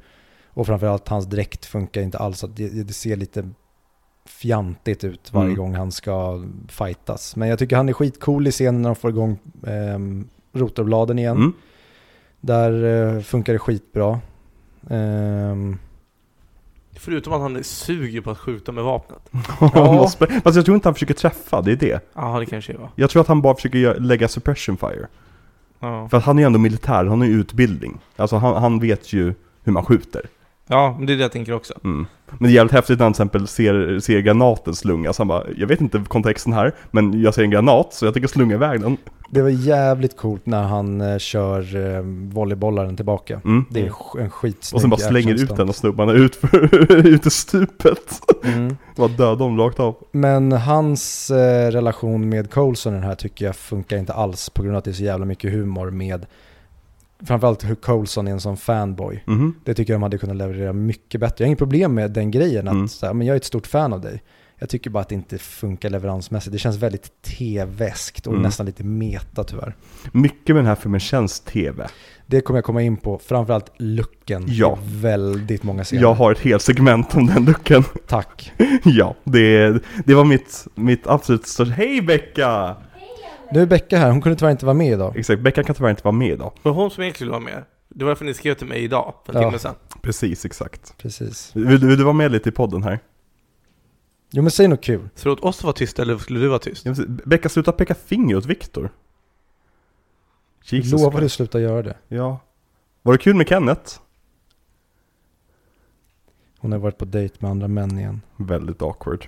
Mm. Mm. Synd, jag är ledsen att ni behövde bevittna det här. Ja. Men- Det här är för övrigt jävligt häftigt. Alltså jag, jag älskar bara att de gick bara all in med liksom en stor hel helicarrier reveal. Att det är som så här, jo men här, ni, ni, ni ska få se hur det funkar här också. Att de Ja, liksom- det är faktiskt skitballt. Att, att liksom, bara konceptet att vi har ett stort hangarfartyg och det kan flyga. det, är som, det, det räcker så jävla långt. Och det, det kopplar ihop oss med den vanliga världen på väldigt många sätt. Men samtidigt så är vi i den här eleverade Marvel-världen. Och här har vi nog egentligen filmens roligaste skämt när Captain America sticker eh, Samuel L. Jackson en tia. Tycker jag. Ja, det funkar jättebra. Och det finns väldigt många bra skämt i den här filmen. Mm. Men tyvärr så är ration för dåliga skämt för hög för mig för att det inte ska ta mig ur filmen. För det är ofta jag kommer upp i varv Mm. och känner att yeah, och så kommer ett dåligt skämt. Mm. Ska vi prata lite grann om Samuel L. Jackson och Nick Fury då? Mm, motherfucker. För Samuel L. Jackson, han var ju heroin och eh, crackpundare efter en väldigt traumatisk eh, resa till Vietnam under eh, början på 70-talet. Mhm. Eh, Men han bestämde sig i början på 90-talet för att bli ren. Och han använde sig av den erfarenheten för att spela i filmen Jungle Fever från 91. Där han vann Cannes absolut första birollspris för den eh, rollen. Eh, Och efter det så bestämde han sig för att han ska bli Hollywoods mest hårt arbetade och mest förberedda skådis. Och han lyckades snabbt få ett rykte om att vara en otroligt stabil och just välförberedd skådespelare. Han kom till tag, eh, filminspelningarna, kunde alla sina vinklar, kunde alla repliker utan till, visste exakt hur man skulle blocka honom för att det skulle se bra ut och gav regissörerna typ så här: ni får tre tagningar, lyckas ni inte så är det ni som är en dålig regissör. Och han är väldigt, det går väldigt mycket liksom, roliga historier när han har blivit frustrerad på medskådespelare för att de inte är lika professionella som han. Och det finns en, en historia till exempel när han ringer sin agent mitt under inspelningen av en film och typ såhär Varför suger alla? Och agenten typ såhär Men du kan inte förvänta att alla är lika förberedda som du Bara för att du lägger ner all din fritid på att förbereda för rollen så kan inte liksom Det är inte så det funkar i Hollywood liksom vilket är synd, för jag gillar verkligen folk som försöker få andra att höja sig snarare än att den som höjer sig ska sänka sig. Ja, Sen vet man inte vilka nivåer, han kanske var på en liksom Asperger level, att Ja. det blev för mycket. Men jag gillar det i teorin. Mm. Mm, Och han har ju varit med i alla filmer någonsin praktiskt taget. Och i och med att det finns så mycket Samuel L. Jackson så finns det ju så mycket bra Samuel L. Jackson och så mycket dåligt Samuel L. Jackson. Har han jobbat med Scorsese någon gång? Ja. Eh, I eh, Goodfellas. Spelar han Stax. Den här diskussionen har vi redan, redan haft en gång. I Hard kanske vi har. 8-avsnittet. Okej. Mm. Hmm. Vad skulle ni säga, vad är din favoritroll med Samuel L. Jackson, Billberg? Oj, eh, bra fråga. Jag gillar ju han i Coach Carter. Coach Carter? Ja. Intressant, nice. Men det är ju Denzel Washington. Nej jag skojar. eh, Viktor? Jävlar vad det var så tomt nu för mig. Mace Windu? Ja men det är nog ingen favorit. Nej. Du måste ju säga det för sorry. politikens skull här. Ja, men jag älskar dock hans lila lasersvärd. Ja. Men jag- tycker han är bra, alltså jag vet inte när blev han Samuel L. Jackson som Samuel L. Jackson är? Mm. För han är ju, alltså säg ta Snakes on a Plane, då är han ju en parodi av sig själv. Mm, ja men som. precis. Det är väl den som cementerar honom lite som ett skämt där ett tag. Ja, För det är väl den man tänker på framförallt I'm tired of these motherfucking snakes on this motherfucking plane. mm, precis. Har du en favorit Viktor? Jag älskar ju Jules i Pulp Fiction, men det är så Ja. klyschigt att säga. Ja men, Jag kom nej. på Pulp Fiction nu också. Den, Mm. den rollen gör jag också svinbra. även Jurassic Park är han väldigt bra i. Ja, Och det är ju det är ju bara något år efter han slog igenom. Två år efter så fick han en roll i Jurassic Park. Hold on to your butts. mm. Mm. Uh, uh, uh. Även Hateful Eight, som jag tycker är en väldigt underskattad film. Vad sa du? Mm. AIDS? Hateful Aids. The Hateful Eight heter den väl? Ja. Jo, och jag tycker han, han, han alltså, även när han är dålig så är han alltid underhållande. Jag tycker alltid det är kul när Samuel L. Jackson kommer med på skärmen, för han har sån jävla karisma. Och ta till exempel Django Unchained, där han spelar över utav bara helvete. Men det är fortfarande skitroligt när han är med. Ja, jag tycker han är grym i den rollen. För Mm. att det är verkligen, vid, det laget i filmen när han kommer in. Då har- behövs han. Ja men då har vi redan etablerat en värld som är jävligt bananas. Mm. Alltså bara ta tanden uppe på uh, Schultz heter han va? På hans eh, Mm. wagon. Som, så här, det här funkar egentligen inte. Ja ah, okej, det är den här världen vi är Mm. i. Men sen så är han ju såklart jättebra som Nick Fury tycker jag. Mm. Och speciellt i den här filmen, det här är ju hans film. Håller med. Ja. Han är huvudkaraktären praktiskt taget. Och jag tycker att han, han är bra mycket bättre om man, om man ser till exempel till Iron Man 2, där han inte fick ett särskilt bra manus att jobba med. Eh, då var han ju rätt tråkig som Nick Fury liksom. Men bäst i filmen tycker jag. Ja, nästan i alla fall. Eh, och, men här så känner jag verkligen att det här är ett manus som verkligen förstod Samuel L. Jackson och hur man jobbar med honom. Och gav honom en hel del riktigt feta repliker. Som till exempel när Loki säger An ant has no core with a boot. Svarar han direkt instinktivt bara Do you plan to step on us? Mm. Bara så otroligt välskrivet. Alltså det, det, det är rätt basisk, eller basisk, basic dialog. Men det är bara så jävla rappt tänkt liksom. Sen återkommer de till det. Ja men exakt. Det är så jättebra sätt att, åh jag älskar det här manuset. Mm, och det jag skulle tillägga var att jag tror, jag vet inte om det var i Iron Man 2 avsnittet där jag tyckte att det var synd att de inte gjorde honom mer till en fysisk person Mm. i MCU. Här får jag verkligen käka upp det för att här får han väldigt mycket actionscener. Mm. Men han är inte kanske den rullande på golvet, alltså Nej. actionhjälten, men han får väldigt mycket coola actionscener. Han hade ett krav på Joss Whedon inför den här filmen. Och det var det att jag är 65 år gammal. Jag ska springa runt, eller jag ska på mig en stor läderrock i genom hela filmen. Jag kommer inte se cool ut om jag springer eller gör någonting fysiskt, så jag vägrar göra det. Och eh, jag tycker Joss Whedon löser det rätt bra. Ja, det är ju synd att han inte fick vara med i ehm, The Irishman. När han kan sparka på någon som en gammal gubbe. Mm. Men nu, mm. Gud, jag måste se om den filmen snart. Jag är rädd för sådana filmer. Ja. Har, du Men- sett om, har du sett den? Nej, jag började kolla på den, sen tröttnade jag. Jaha, okej. Den var för lång. Men för lång? Men, eh, nej men alltså om jag hade fått en, den som en, en eh, idiotfråga. Mhm. Springer Samuel Jackson någonsin i Avengers? Nej. Då, då, Ja. Nej men jag, då, jag hade ju svarat ja. Ja, för man, man tänker ju det. Exakt. När han jagar planet till exempel. Ja. Ja, jo men verkligen. Så liksom, Joss Whedon lyckas ju där genom att få Verkligen. honom att kännas som en liksom, actionperson. När han egentligen bara står och liksom, poserar i varje scen. Mm, verkligen, håller med. Mm. Och han ser ju så jävla läcker ut i sin långa svarta trenchcoat. Jag tänkte faktiskt på det när jag såg det nu också att Mm. Fan, varför äger inte jag en sån där? Ja, verkligen. Och med, med eye-patchen, det är sånt bra designval att ge någon en eye-patch. Det bara, det bara funkar alltid. Jag har aldrig varit med om en film när någon har en eye-patch och det inte funkar. Nej, det är synd bara att skulle man rocka den stilen IRL, då skulle man ju bli arresterad direkt. Och ifrågasatt varför jag har en eye-patch. Ja. Jag tränar mitt andra öga skulle jag säga. Men för att gå över till en annan skådespelare som om vars stil man skulle rocka IRL skulle man bli gripen.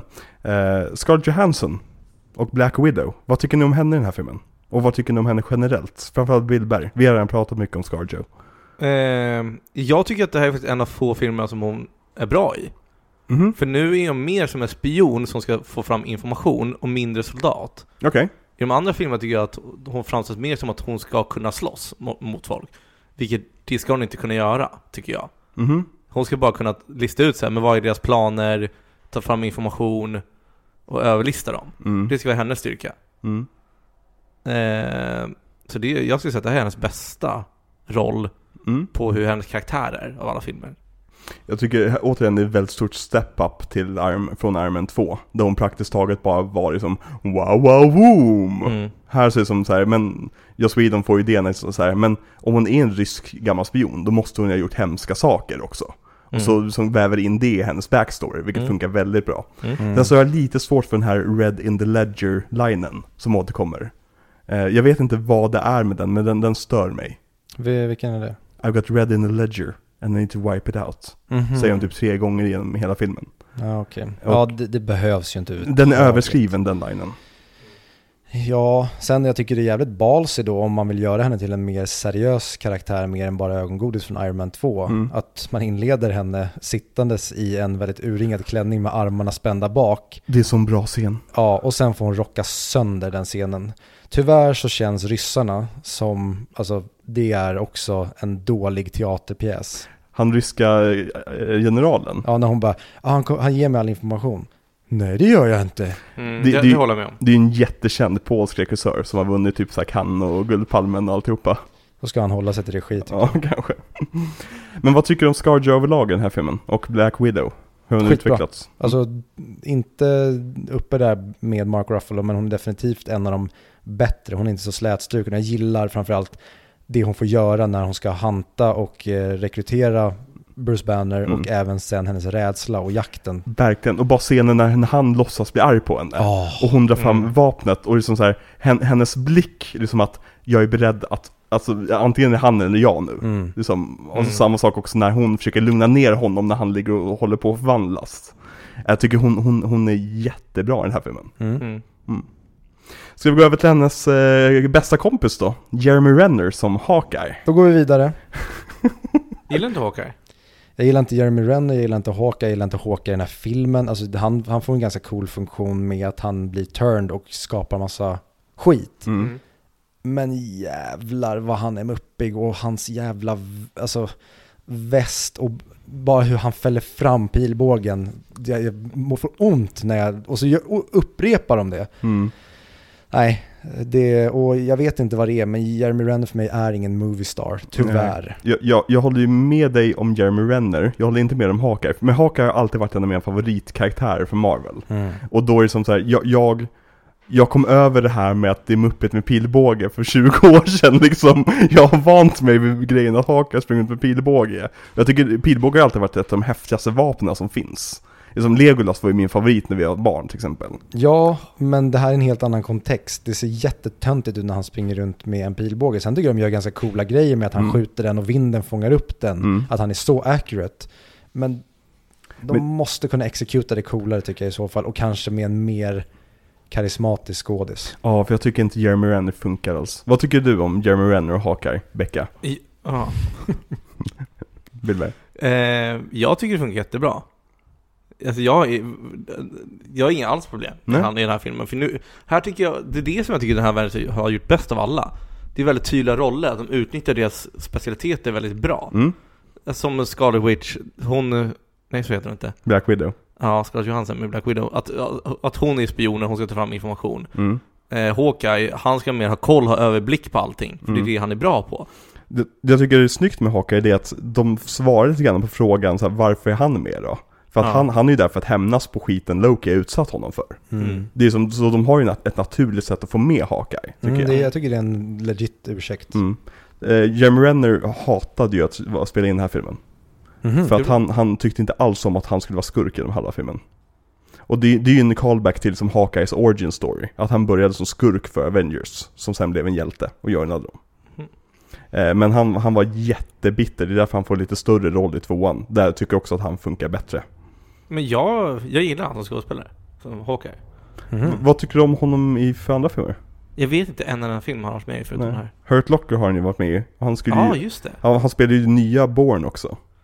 Ja, men Hurt, Hurt Locker tycker jag han också gjorde helt, alltså, Jag har fortfarande inte Bra. sett den filmen. ja, det, de, jag har för mig den var helt okej. Mm. Så det blir Ja, sjua. den vann ju Oscar för bästa film.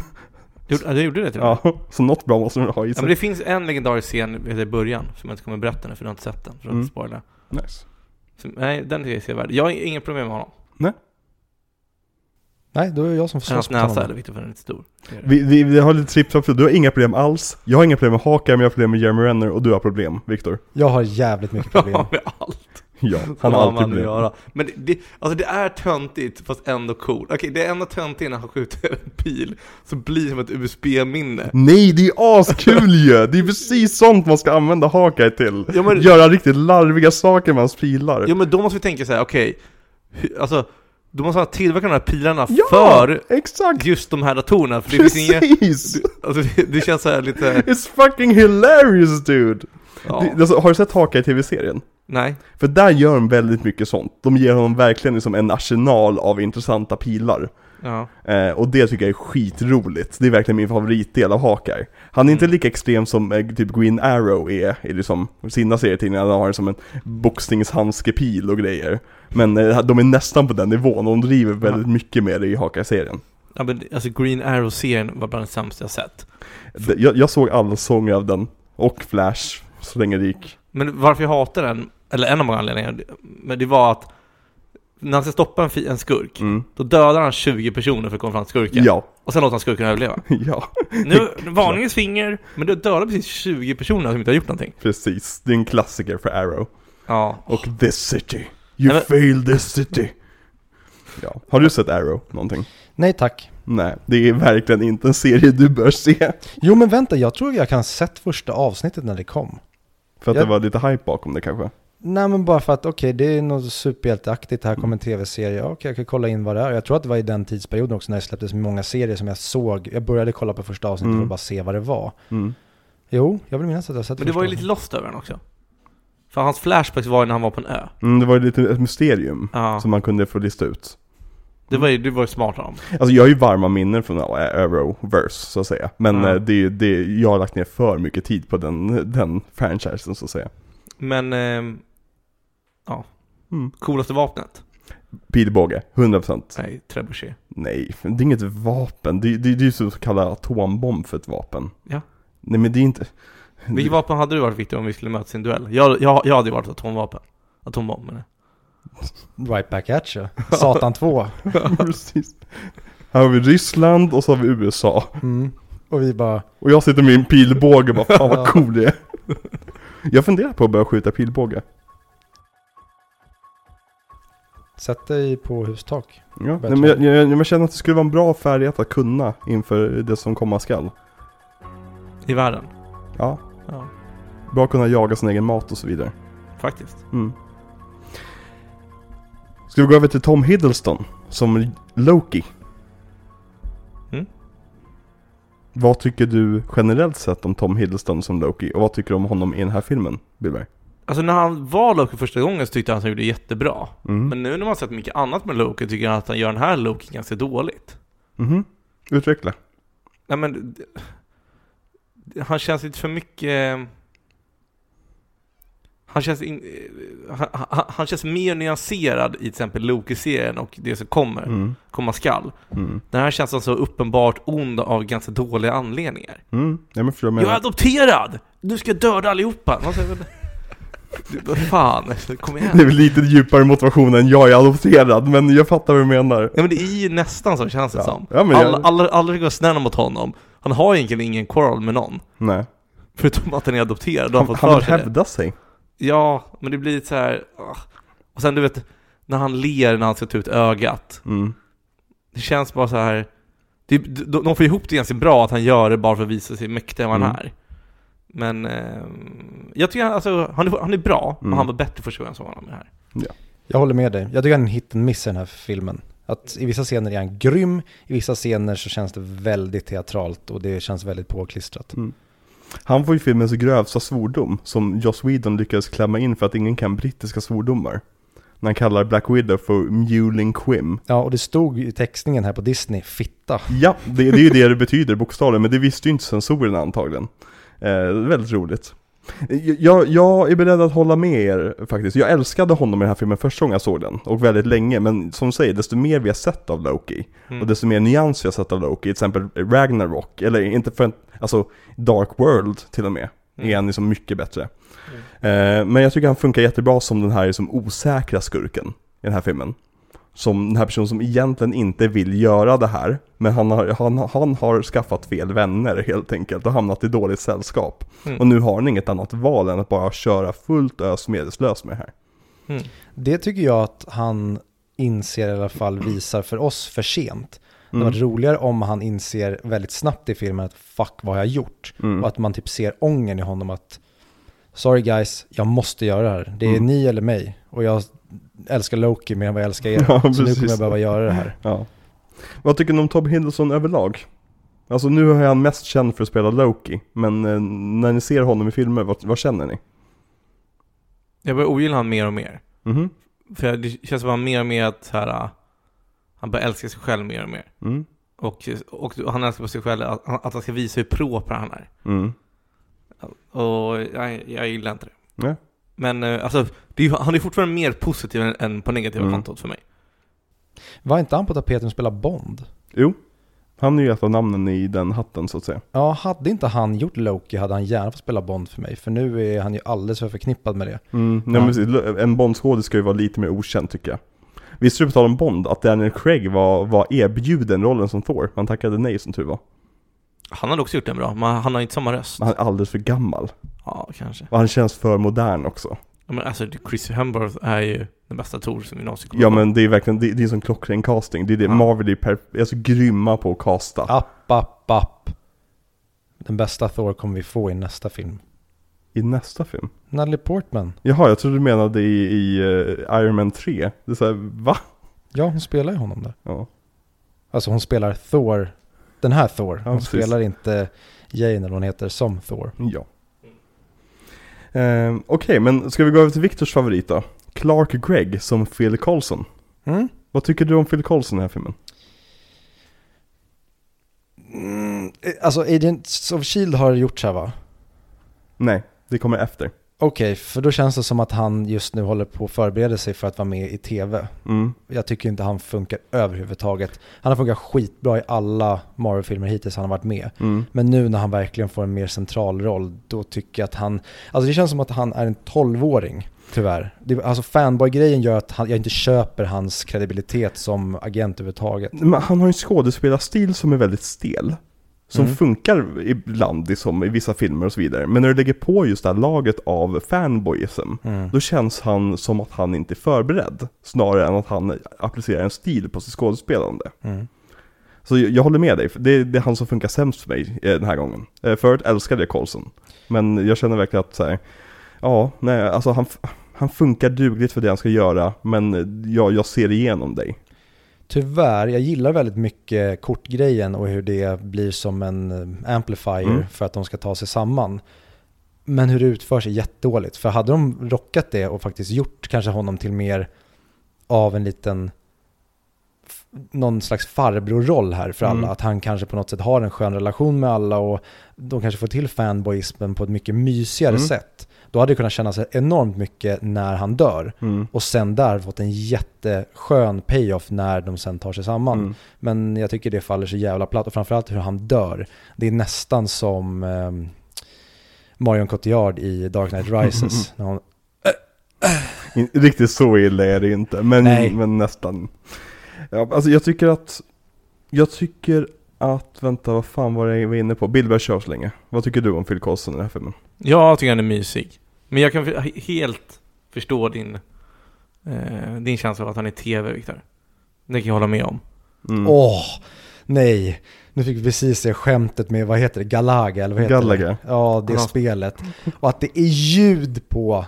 En grej om man kanske lite snyggt hade haft i bakgrunden att han faktiskt spelar det och ta, återupptar spelet när scenen Men ljudet gör ju verkligen så att det är, här, det är uppenbart. Ja, och Men- där är vi redan tyvärr inne i alla de här scenerierna. Och framförallt ljussättningen i den här filmen för mig är så jävla tv. Och det är det typ det största misslyckandet tillsammans med humorn. Mm. Det är att jag, jag, jag får ingen filmisk känsla i den här filmen. Inte i, i hela filmen. Nej, Men framförallt i första halvan. Ja. För det känns som att de verkligen lägger krutet i andra halvan. Mm. Och den är ju gorgeous för det mesta. Men många av de här scenerna de använder green screen och får till dålig ljussättning. Det känns jätteplatt. Och framförallt när Cap ska stå i sin bedrövligt fula suit här och hålla på och käfta. Det, det, åh, det, det känns... Det, det blir tyvärr alldeles för pajigt. Så att när de står och har, alltså det är tre superskådisar här som står och har dialog. Det faller tyvärr för mig, för det är alldeles för, ja, det är verkligen tv-kvalitet på mycket av eh, fotot och ljussättningen i den här Mm. filmen. Och det sörjer jag för att jag tycker de får till det så bra i de tidigare Marvel-filmerna. Mm. Vi kommer in på det alldeles strax. Vi har en sista skådis att prata om. Och det är Kobe Smulders som Maria Hill. Vad tycker du om henne i den här filmen? Jag tycker att de saknar en Ted Mosby. Vi sa det innan jag och Ja. Billberg att det hade varit perfekt om hon och Ted Mosby, skådisen som jag inte kommer ihåg vad han heter, om de hade spelat tvillingar. Just som Ra- tjafsade Reed med någonting va?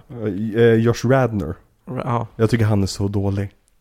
Han är, han, han är det som alltid drar ner min, min enjoyment av How Much Mother. Mhm, Jag älskar Ted Mosby. Jag älskar karaktären, Mm. men jag tycker han är så dålig som skådespelare när han ska vara seriös, eller när han ska vara romantisk. Det här leendet han gör när han ska vara kär, är verkligen såhär, jag, får- jag cringear sönder av det. Mhm. Eh, Men hon fick ju den här rollen som tröstpris av Joss Whedon. För att hon var ju påtänkt att spela Wonder Woman i Joss Whedons Wonder Woman-film. Jaha. Mm. Och det manuset är jätteroligt. Och om ni får tag på det, läs det. Vad är premissen? det. Premissen är att det är Wonder Woman. Men det är fyllt av Joss Whedon blir kåt av att skriva Wonder Woman-scener. Mm. Och typ eh, klämmer in bitar där hon typ råkar vara topless framför folk och grejer. Det, är- det är ett sinnessjukt manus. Ja, i händerna på en bättre humorregissör. Mm. Skulle kunna vara kul. Och på tal om i händerna på en bättre regissör så vill jag säga en väldigt kontroversiell åsikt för mig angående Joss Whedon. Han borde inte regisserat den här filmen. Han borde ha skrivit den här filmen och nöjt sig där. Och sen så kanske varit med som så visual director på något sätt, liksom att liksom se till att allting blir bra. Men jag tycker, precis som du säger, att det här ser ut som en tv-produktion. Mm. Det ser ut som den dyraste tv-produktionen någonsin. Ja. Alltså verkligen, men man ser tv-sjukan i Joss Whedons registil. Mm. I det att han har, Eh, när man gör en tv-produktion så har man oftast väldigt dåligt med pengar. Du får oftast göra väldigt få tagningar och du måste oftast vara väldigt återhållsam. Och när du väl har pengarna så måste du visa dem på skärmen verkligen. Och han visar alla spår på en tv-regissör i det att ljussättningen är off för att de hinner inte ta tillräckligt många tagningar. Jag tycker att när de väl får visa sig som att de har många typ, personer i rummet så utnyttjar han inte det hela vägen fram utan håller sig fortfarande i tv-träsket. Att men vänta, jag måste ha det lite tight här. Och jag tycker den här filmen, som säger i första halvan, sen så helt plötsligt typ vänder det. Mm. Och blir görsnyggt, tycker jag. Eh, första, men första halvan av filmen ser verkligen amatörmässig ut. Och det ser ut som att vi kollar på ett långt avsnitt av Agents of Shield. Eh, så jag tycker verkligen att eh, Joss Whedons manus är briljant, men hans visuella stil är amatörmässig faktiskt. Om man bortser från actionsekvenserna. Mm. Och jag tror aldrig jag skulle säga det här, men framförallt andra halvan och CGI och fighting-delen i den här filmen Mm. tycker jag funkar helt kanon. Ja, det är ju det som gör filmen. Mm. Mm. Vad tycker du om den visuella stilen i den här filmen? Alltså, det är en klar skillnad mellan den här och de andra Avengers-filmerna tycker jag. Mm. Eh, Det är därför jag tycker att den här kanske inte är lika underhållande. Mm. För det, dels både hur actionen är utformad och hur den ser ut, tycker jag faktiskt är lite bristande. Mm. Jag är mer sugen på att se Age of Ultron än den här. Och Age of Ultron är ju väl generellt sett kanske en sämre film. Det är en sämre skriven film ska jag säga. Ja. Men att den är bättre regisserad för han är mer självsäker i vad en film kan vara. Ja, det är också Whedon som regisserar. Mm, precis. Han gör ju de två första. Och sen tar ju Russo-bröderna över. Men, ehm, ja, alltså jag har inte tänkt på det här med TV som ni pratade om innan. Att det ser mycket, ut som det innan. Mm. Men så just framförallt scenen i början när Loki dyker upp och de flyr i den där eh, bilen ser ut som att vi kollar på Arrow. Liksom. Mm. Tycker ni det? Och här, Ja. det är en klarhet i det här som är lite för äkta.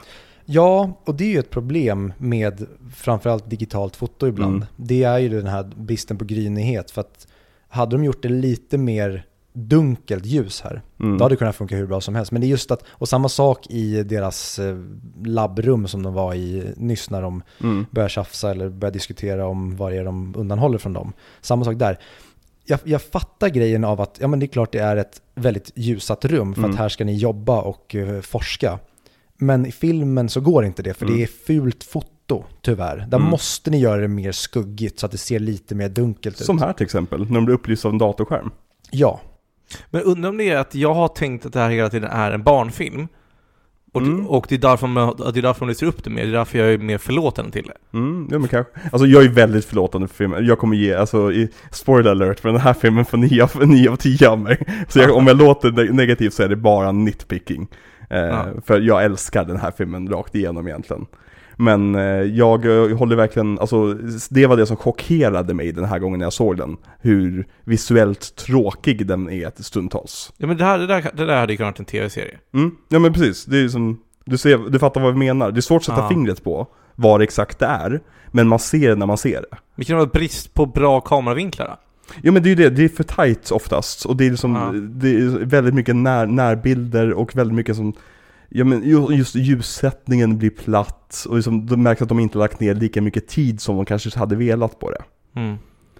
Vilket är märkligt för det mesta är väl green screen när vi är i sådana här miljöer? Eller är det här ett sätt? Är det här ett sätt? Här, okej, ja. Mm. På den här tiden gjorde Marvel fortfarande sets. Åh, att de slutar med det. Och där tycker jag är synd när man ser ut från skeppet när de använder green screen. Mm. För den ljussättningen är också bedrövlig. När man, de, ser bara helt vanligt, det ser ut som att de står i det här rummet typ. Mm. Men det kommer starkt ljust ljus in från fönstren. Ja. Men de är inte upplysta alls tyvärr. Men det här är ju på de, den visuella stilen. Marvel har ju mycket problem nu för tiden och efter den här filmen med att de filmar utomhusscener inomhus med bedrövlig green screen. Och den här filmen är anledningen till varför de gör det. För att den här filmen filmar de väldigt mycket utomhus som de spelade in i liksom, i sina New York-scener. Men framförallt scenen i Central Park på slutet när de skickar hem Loki. För att den här filmen, produktionen av den här filmen var den mest övervakade produktionen i, i filmhistorien. Det var ju som paparazzis överallt och tog bilder på varenda scen de spelade in. Och hela plotten läckte praktiskt taget bara genom paparazzi-bilder. Och Marvel blev supersura på att hela tiden bli avbrytna i sina, sina tagningar och hela tiden var tvungna att mota bort paparazzis och bara det här med som att, ja, slutet på filmen läckte praktiskt taget genom att folk filmade dem när de var i Central Park. Loki besegras, de kommer skicka hem honom med Thor. Så Marvel bestämde sig här och då att så här, nej, aldrig igen. Vi kommer fan med inte spela in saker utomhus längre. Och det gjorde de inte förrän till Eternals. Började de inte även i vissa produktioner att spela in alternativa slut för att förvirra fansen? Ja, det, det var mer Game of Thrones som gjorde det. Eh, Men Marvel gjorde det för Endgame, de spred falska manus. Mm. Ett av de manusen till exempel läckte till Reddit och folk blev asförbannade över saker som hände i det. Vilket Nice. var skitroligt. Vad hände i den då? Jag, minns inte, Nej. alltså det, det fanns typ så här tio olika versioner som florerade. Och för övrigt scenen vi ser på tv nu, det är när Natasha får ut Lokis motivation över honom, som jag tycker är en av filmens bästa scener. Ja, Hon bra skriven återigen. Mm. För det är så här, här får bägge karaktärerna verkligen vara i sitt esse, men Natasha vinner för att hon är smartare. Mm. Ja men också att de börjar på det här attityden att hon är Alltså hon har attityden att hon är bättre än honom Mm. Och sen så, sen så låter hon sig själv bli besegrad Exakt, exakt, för att han ska avslöja sin plan. Ja. Precis som i introt. Ja, exakt Ja det är riktigt coolt Men Eternals nämnde du Vad sa du? Eternals Ja. Är det den sämsta Marvel-film som någonsin kommer göras? Nej, inte ens i närheten av lika dålig som Incredible Hulk och Iron Man 2. Alltså, Ja, ens i Hulk. närheten. Men är inte det ett problem? För det, fram till den här Avengers, Mm. kanske länge, jag vet inte Så hade de planerat allting Mm. Det gör de ju fortfarande, om en, de gör ju ännu mer. Men Eternals känns oplanerad, att den Mm. bara är inslängd Ja men det är för att du inte vet kontexten än. Den har ju precis kommit. Den kom ju för mindre än ett år sedan. Ja men det känns så här om, det- om det är en sån jävla titan under vår planet borde inte någon annan superhjälte komma och försöka Jo men det var ju därför Thanos halverade jordens befolkning. För han, han är ju en eternal. Det vet ju inte du, du än, för att du har inte fått den kontexten än. Men, men eh, Thanos är ju en eternal. mm. Så han, ha- en av hans motivationer antagligen för att halvera populationen är ju för att förhindra Tiamats uppgång. Och de andra Celestials. Men vadå, det, framkom, det framgår inte i filmen eller? I, alltså i subkontext skulle jag säga. Alltså, de säger bokstavligen att Thanos eh, grej för, alltså, försenade Titanens framkomst. Men vadå, så, så filmen funkar inte som film? Jo, utan den- jo, definitivt. Det ska jag säga. Motivationen i filmen funkar som, i, i filmens kontext. Alltså, men du har inte sett Eternals än? Nej, Nej. nej. jag kommer inte se den. Det kommer vi se i Phase 4. Du behöver inte säga I mitt nästa liv. Ja, sorry. Ja. Eh, men på tal om Whedons manus i till exempel den här scenen. Jag, jag, det, för det, det är min favoritdel av den här filmen. Hur jävla tätt det här manuset är. Och hur, hur som hur han verkligen lyckas få ihop de här eh, liksom, karaktärerna. För det här ansågs ju vara ett omöjligt projekt. Alltså ingen kommer någonsin kunna få det här att kännas naturligt på något sätt. Och Kolla den här solen, nu är vi tillbaka i labbrummet. När man har stark sol som lyser in bakifrån. ja, men det syns inte alls på skådespelarna. Nope. Nej. Nej men jag älskar hur, i manuset, hur den här filmen egentligen, den handlar ju om Kevin Feiges kamp att få ihop filmen. Att liksom Robert Downey Jr vill inte vara med och, och vara teamplayer. De måste ta in en ny Hulken. Eh, Chris Evans är den enda som är teamspelare typ. Vi har Ike Perlmutter som sitter i sitt sitt kontor och skickar konstiga beslut som Kevin Feige måste reagera på. Och det handlar verkligen i Zack Penns version av manuset så blev de Avengers mycket, mycket tidigare. Men hela den här filmen handlar om egentligen vad har de för anledning att gå ihop som ett lag? Kort. Precis, exakt. Men, men eh, alltså, inte Lokis plan så dålig att bli, alltså, vad gör han egentligen? Varför, han behöver inte ens bli tillfångatagen. Jo, för att det kommer ju krossa Avengers i Ja. hans huvud. Ja men han hade lika gärna kunnat krossa honom på, alltså, att Om- bli tillfångatagen, det känns som att det är ganska menlöst av honom. Ja, Han blir ju tillfångatagen för att kunna manipulera Hulken. Hur gör han det då? Med hjälp av, av eh, sin stav. I Ja. den här scenen. Bokstavligen. Okej. Men det är också så här, de vet vad, vad han försöker göra. Varför tar de inte bara bort honom därifrån? Ja, för att de är lite dumma i huvudet. Så Ja. shield. Men de är väl maktgalningar också. Och varför har de inte remotes för att sänka hans bur? Så, så fort de blir attackerade. Mm. Det tänkte inte Loki på. Nej. Väl giftgas som de släppt in också? Ja. Det finns jättemånga saker som man kunde gjort så att filmen inte händer, det har du rätt i. Ja. Oj, här börjar det luta lite. Ja precis, här får vi lite... Kenneth Branagh eh, är tillbaka. ja. Star Trek? Men i sådana här Ja. tillfällen så är ju meningen att man ska använda Dutch angles när det ska bli lite obehagligt. För Mm. här blir ju de, här i scenen när de bråkar så blir de ju manipulerade av, av the mindstone som är i den då. Aha, är det det som händer? Ja. Det här är en rolig tagning tycker jag. Den vänder upp och ner på alltihopa. Här försöker de återskapa The Council i Sagan om ringen. Ja men precis, exakt. Oh, eller Snatch, någon vrider. Men jag, jag, tycker, jag tycker om väldigt mycket Joss Whedons liksom också lines som man ger till folk. Som till exempel There's only one God ma'am and I'm, su- I'm pretty sure it doesn't dress like that. Eller An ant has no core with a boot. Mm. Jättebra skrivet tycker jag. Jag tycker det här manuset är, Åh, ja det gjorde han din favoritgrej. Jag tycker det här manuset är så snappy och det är som bara introt hur de så här, de går från a, a war isn't uh, one with weapons, it's one with, it's one with soldiers. Vi klipper till Captain America, den ultimata soldaten. Det sista Captain America säger är You should have thrown the cosmic cube in the sea. Byter nästa scen till Nere i havet, där Tony Stark är. Och så vidare och så vidare. Det är, liksom, det är elegant och det är som att det dansar med oss. Det är som, den har en takt. Men jag också, det är, det är väldigt mycket quotables och mycket memes som kommer från den här filmen. Så de Mm. lyckades ju verkligen med det. I recognize the council's made a decision, but as it is stupid as a deci- decision, I've elected to ignore it. Ja, men var kommer det cancer ifrån? Varför har de med det? Det är väl de som finansierar Shield, ser jag det som. Ja, men de försvinner ju sen väl? Ja, de löses väl upp med Shield. När Shield försvinner i tvåan. Eller i uh, Captain America 2. Ja, ah, men när Hydra var influent... Ja, Precis, för det councilmedlemmarna åker ju till högkvarteret där. På Ja. slutet av det. ah, okej. Men det jag tycker absolut bäst med Joss Whedon och det här manuset, det är det att han förstår karaktärerna. Eh, Han, Mm. som, som vi var inne på tidigare, han behövde inte ens tänka efter på vad är Thor för något? Vad är Captain America för något? Utan han, han lyckas liksom ge varje karaktär sin egen röst och sin egen bit av kakan. Ta bara sekvenser som kommer att utspela sig nu framför oss. Som Tony och Cap springer iväg för att laga en, en motor. Natasha försöker lugna ner Hulken.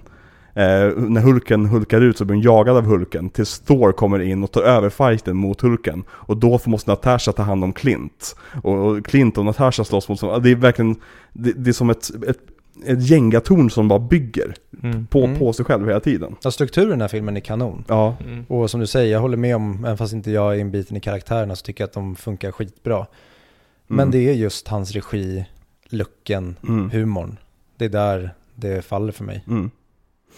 Ett annat exempel på hur han bara förstår karaktärerna bra, det är när de ska lista ut hemligheten bakom Shield. De, Tony och Steve får exakt samma uppdrag. De ska lista ut vad det är som försiggår. Mm. Och de löser exakt samma problem på sina olika sätt men kommer fram till samma slutsats. Mm. Jättebra lösning av liksom bara visa oss vilka karaktärerna är.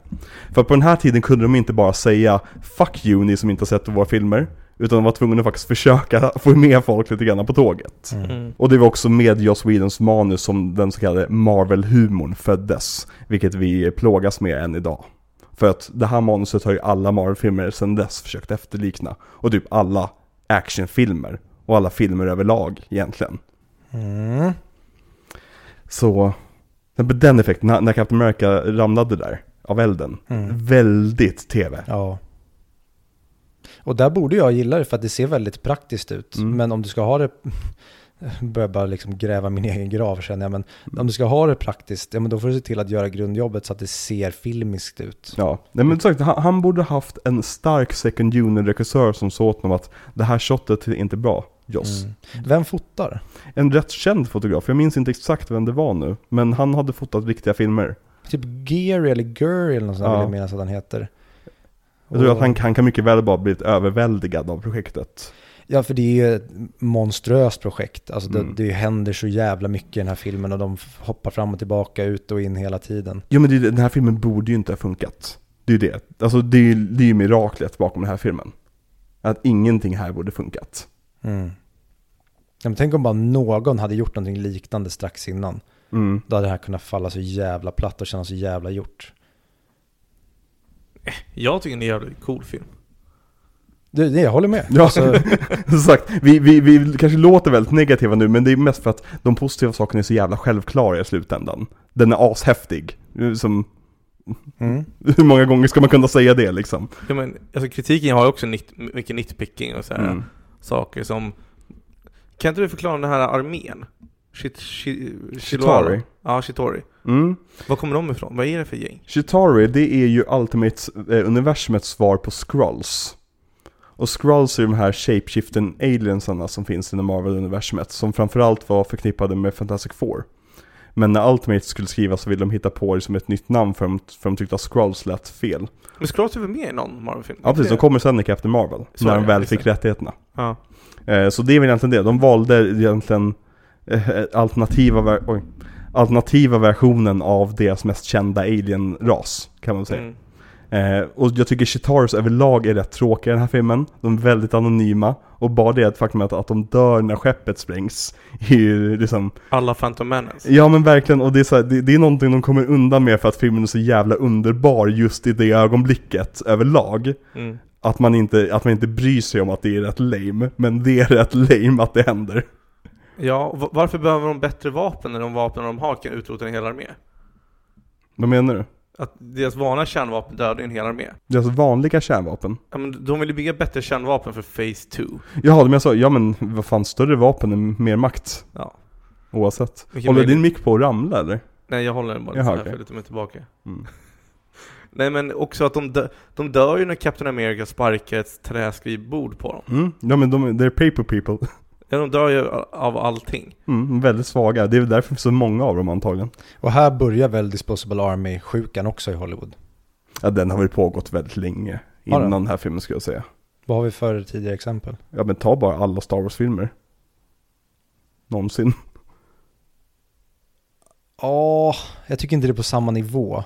Här tycker jag det finns en helt annan typ av karaktärslöshet, men det är kanske också för man har en koppling till Star Wars. Ja men jag skulle säga att droiderna är ju, alltså i Episod 1, är ju Mm. ur-exemplet på Disposable Army. För att de, de är ju bokstavligen framtagna så att vi ska kunna se jedi-riddare svinga lasersvärden. Utan att känna att de är mördare.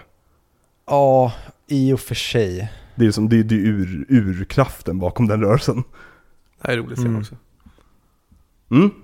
Ja men verkligen just det att han, den drivs av någon sorts Well. elektricitet. You're not wrong. Och vi fick precis se på skärmen när Bruce förvandlas första gången. Mm. Den CGI'n på Hulken Mm. är flawless nu tio år senare. Ja. Det är helt otroligt hur Ja. snyggt det är. Det, det, är, det är Thanos-nivå på den. Mm.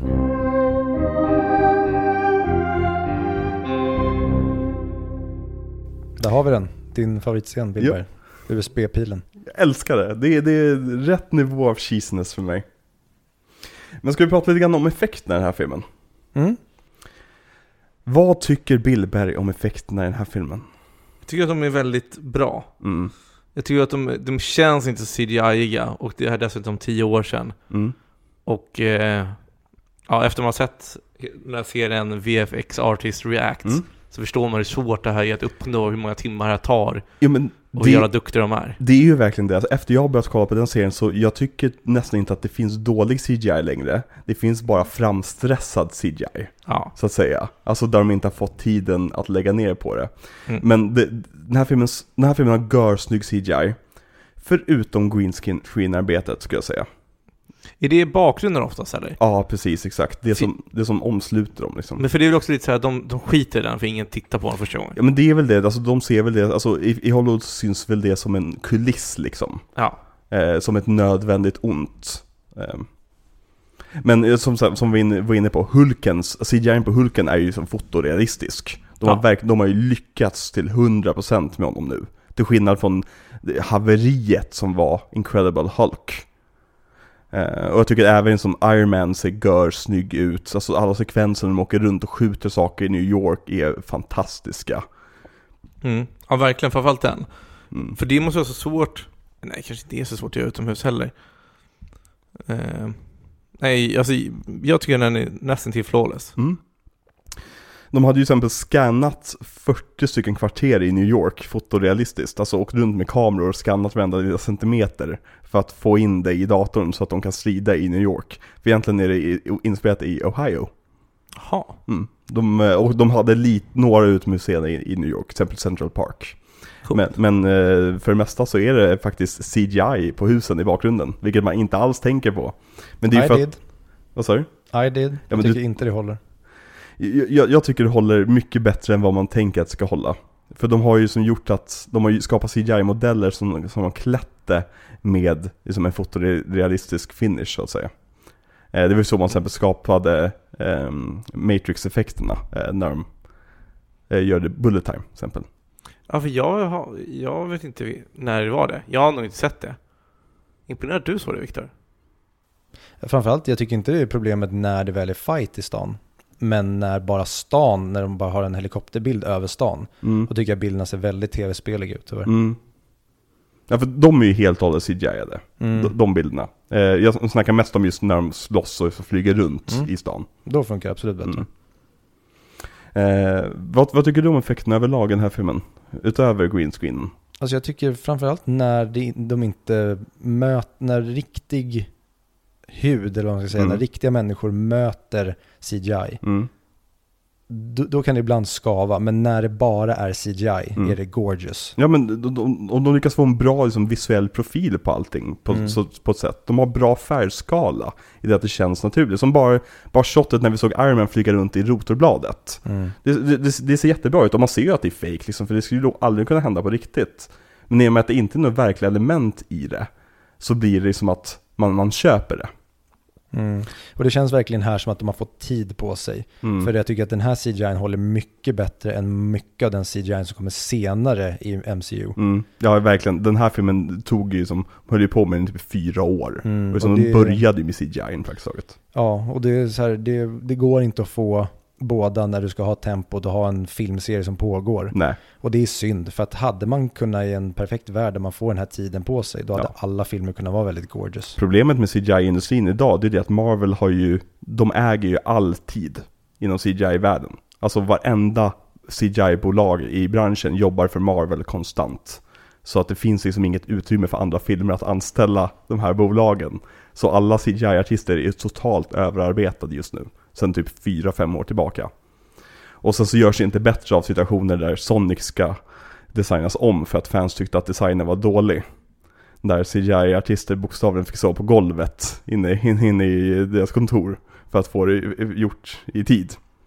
Men eh, du frågade mig tidigare, så här, är det Weta som har gjort effekterna till den här filmen? Ja, det är det. Tillsammans med typ 15 andra, andra Mm. eh, CGI-hus. Det är så pass. De, de delar ut eh, liksom, olika shots till olika, olika hus. Det är som att, Mm. ja, men ni gör det här, ni gör det där och sen ska det bländas ihop i en, ett och samma shot och då tar man antagligen in en tredje för att slå ihop de två shotsen. Och så, och så vidare. En väldigt avancerad process som praktiskt taget började här, som nu är standard. Till exempel Endgame, där är typ 20 stycken CGI-hus. Det är helt Mm. otroligt. Ja, för där fick de ju designa Thanos själva. De Mm. olika. Precis. Och sen på fighten när, när eh, Spiderman svingar med handsken iväg med och så vidare. Det är ju typ fem olika shots som har gjorts av, gjorts av fem olika hus. Oj. Som sen har klistrat ihop lätt. Ehm, nej men jag tycker, för, eh, som du säger, varenda gång det bara är CGI på skärmen så funkar det svinbra. Mm. Och, och när vi ska möta element så funkar det inte alltid jättebra. Uh, fighten med Thor och Hulken ser ju bra ut liksom. Men det är också för att det Hulken är ju så, de har ju, det märks ju att det är där de la ner krutet. För de, de kände väl att de var, de var tvungna att sätta Hulken för att det ska funka. Verkligen, men jag tycker även eh, Tonys ansikte i eh, dräkten funkar Mm. mycket bättre än vad gör i till exempel Infinity War. Mm. Och det förklaras väl av tiden helt enkelt. Ja, precis, exakt. Är det när han, alltså när, han, när man ser han i dräkten eller när han, man ser han, alltså som med alla holograferna framför sig?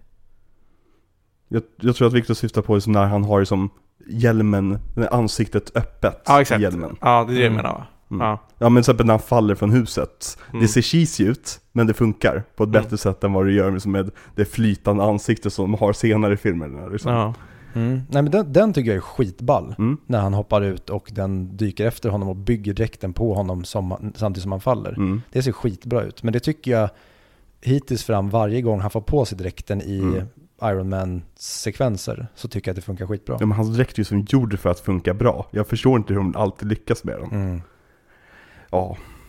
Men ska vi gå över lite grann på musiken och framförallt Avengers-temat. Mm. För första gången jag såg den här filmen så tyckte jag att musiken var totalt anonym.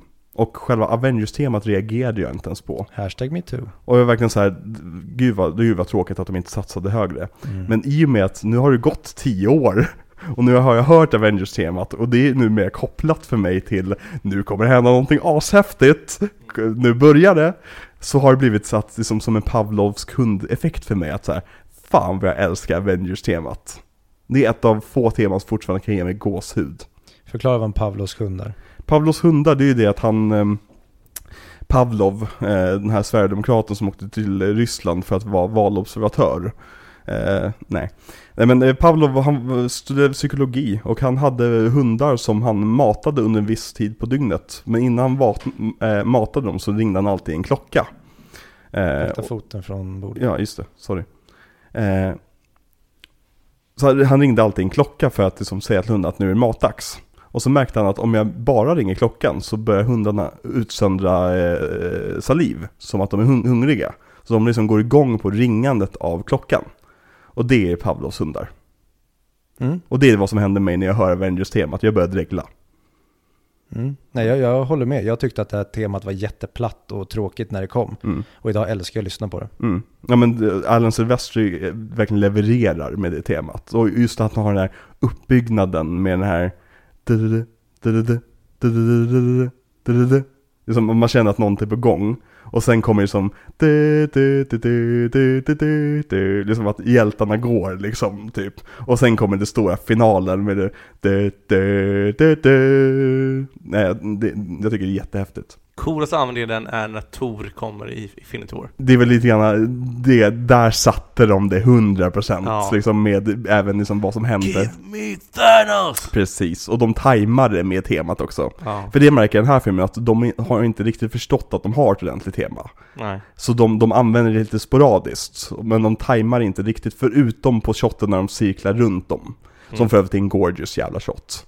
Och verkligen, det, det, är en, det är en shot som fortfarande ger mig rysningar, att tänka att det var här det började. Mm. Mm. Här är en sekvens som när jag såg filmen första gången, så, så här, varför är det här ens med? Men nu tycker jag jättemycket om den. Att, det är som, att Thor tänker att han kanske inte längre är värdig.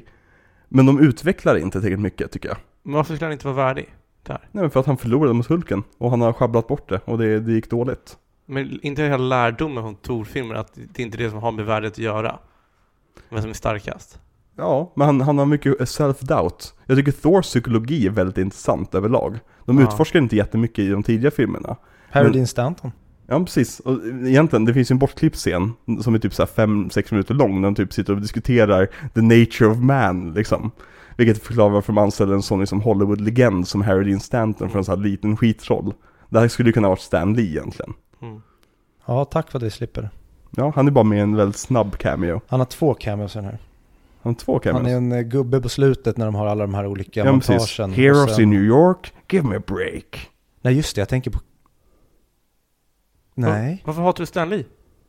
Nej, jag tycker bara inte han funkar som cameo.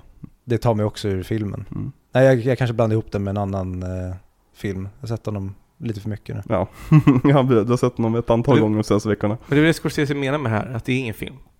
Det är nöjes tivoli attraktion. Mm. Och det åh, vad, vad är det här för effekt Ja. när eh, Clint vaknar upp? Jag vet, det är, det är jättekonstigt. Också väldigt TV. Ja, what the fuck. Ja. Och sen Eh. bara, he got better. Ja, alltså precis. Det, filtret bara försvinner. Ja. Men ja, till att det är amusement park rides. Alltså det, det är verkligen så jag fått acceptera och se det. Att för mig är inte det här film, film. För jag Mm. kan inte jämföra det med annan film. Eller det är det jag gör när jag betygsätter det. Men jag förstår att om jag ser det som en theme park ride, ja men då är betyget väldigt högt. För att det är väldigt mycket kul. Det är väldigt kul att se de här skådisarna ha så här kul. Mm, Men som film, nej då är det verkligen inte det här jag vill ha. nej. Nej men verkligen, alltså, sagt, nu har jag redan spoilat mitt betyg på den här filmen. Men jag sätter ju liksom 9 av 10. Det är ett halvt betygssnäpp under midsommar. Vilket är orimligt egentligen, när man Mm. tänker efter. Men det är det liksom, jag betygsätter ju som the enjoyment I get from it. Mm. Och den här filmen gör mig bara till en, till en tonåring igen. På så många plan. Men vänner ska bara vara mäktiga filmer. Ja, Det är ju mäktigheten man vill åt i sådana Mm. filmer, tänker jag. ja men precis. Och liksom dynamiken mellan karaktärerna. Ja, Att det är som de studsar mot varandra. och det prickar med Infinity War och Endgame, tycker jag. Båda de två sakerna. Vad betyder pricka? Alltså de, de, de eh, i- lyckas med det. Ja, de lyckas, okej. Mitt i prick. Ja, okej. Ja. För pricka skulle ju tätt kunna vara att de, de bommar Mm. på det. Nej men det, alltså, det Ja. tycker jag. Ja, nej men jag håller med. Alltså de är... Ja, wow. Jag tycker väldigt mycket om Avengers-filmerna. För den som inte har förstått det än, så lyssna på podden. Men nu ska vi gå in på en väldigt viktig diskussion här tycker jag. Jag tycker också det. Vem är den starkaste Avengern?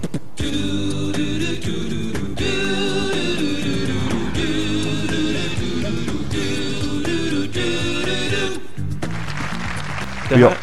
Jag har tagit upp lite, lite team-ups, så vi ska komma fram till det här på ett vetenskaplig basis. Mm. Vem den starkaste Avengern är. Ehm, så vi kan börja, vi kör en liten omröstning här. Coulson mot Fury. Vem vinner? Fury. Definitivt Fury. Jag står också på Fury. Okej, så Fury går vidare. Black Widow mot Hawkeye. Black Widow. Hawkeye. Jag skulle säga Hawkeye också. Ja, Yes, fuck you eh, Victor! The movie beats you guys. Men han, är- han är ju på nära håll där, det är ju som att det är som eh, B, B, eh, ja, jag kommer inte på något bra exempel. Men han är inte gjord för att slåss på närstrid. Nej, Han ska ju skjuta suger. henne från, från avstånd. Mm. Och det är jättebra Avrätta att han henne. håller sig nära. Men han- Det är inte han. Det är inte han. Nej precis, det är ju inte Hawkeye. Nej, Det är okej, Loki. det är hans personlighet som, ja okej. Ja men då så. hans, hans personlighet. Ja. Hans otroligt stora och härliga personlighet. Okej, så, så Hawkeye vinner den fighten. Så Fury och Hawkeye går vidare. Iron Man mot Captain America. Iron Man. Ja. Det är nog Ka- Iron Man. Motivera. Han behöver bara pumpa sönder honom med sin, sina vapen. Så att han har en chans. Mm. Eller så bara analyserar han hans stridsmönster. Så Som i Civil. War. Ja, exakt. Ja, exakt. Jag skulle också säga att Iron Man vinner den. Captain America, det är det som jag tycker är så bra med Captain America-karaktären. Är det att även om han skulle förlora den fighten så skulle han ge sitt allt i den fighten. Och han skulle verkligen försöka besegra. Det ser man ju mot Thanos när han håller emot i typ tre sekunder. Mm. Och liksom Thanos bara, vad fan, vem är det här? Varför? Och det är också lite märkligt. Han liksom håller emot Thanos, Mm. Men det är ju på tionde slaget som han slår ner boxningssäck. Han, han har ju utvecklats en hel del sedan dess också. Ja, man tänker att han borde vara betydligt starkare. Men, men det är det jag menar lite när jag sa innan också, att det är ju egentligen i Civil War man får se hur stark han egentligen är. Mm. När han håller i helikoptern och allt det där. Men det Mm. kommer ni till senare säkert i podden. Så Iron Man går vidare. Ja. Okej. Thor mot Hulken. Oh. Bara den här filmen eller generellt? Nej, generellt. I din ultimata film i huvudet. Victor, du får börja igen. Nej men Thor, eller så Hulken är typ indestructible. Fast i och för sig det är typ Thor också. Så Mm. Jag, jag, jag vet inte. Jag har ingen aning. Jag- Men jag säger Thor bara för att han har blixten på sin sida. Mm. Mm. Thor är coolare, men jag tror Hulken hade vunnit. Hulken knockar ju Thor i den här filmen. Mm. Men Thor är skapad bokstavligen med frågan Vem är starkare än Hulken? Det vill säga en gud. Det var så han skapades. Han kom, koms på så att säga. Jag skulle säga att Thor vinner också. Okej, så Thor tar hem den poängen. Så de som gick vidare då var Fury, Hawkeye, Iron Man och Thor. Så kör vi nästa uppparing då. Fury vs Hawkeye. Fury ska vinna det här. Nej, Hawkeye. Hawkeye vinner, Mm. okej. Ja, jag tar Fury. Oh. Ja, precis. Varför?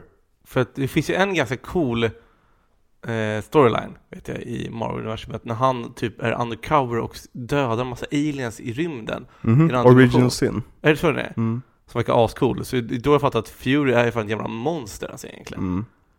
Fury i serietidningarna är ju praktiskt taget odödlig också. Ja, är det? Ja, han har Men, fått... men pratar vi inte filmuniversum Jo, nu? det gör vi också, Ja. men, men, men man får blanda in exakt vad man vill.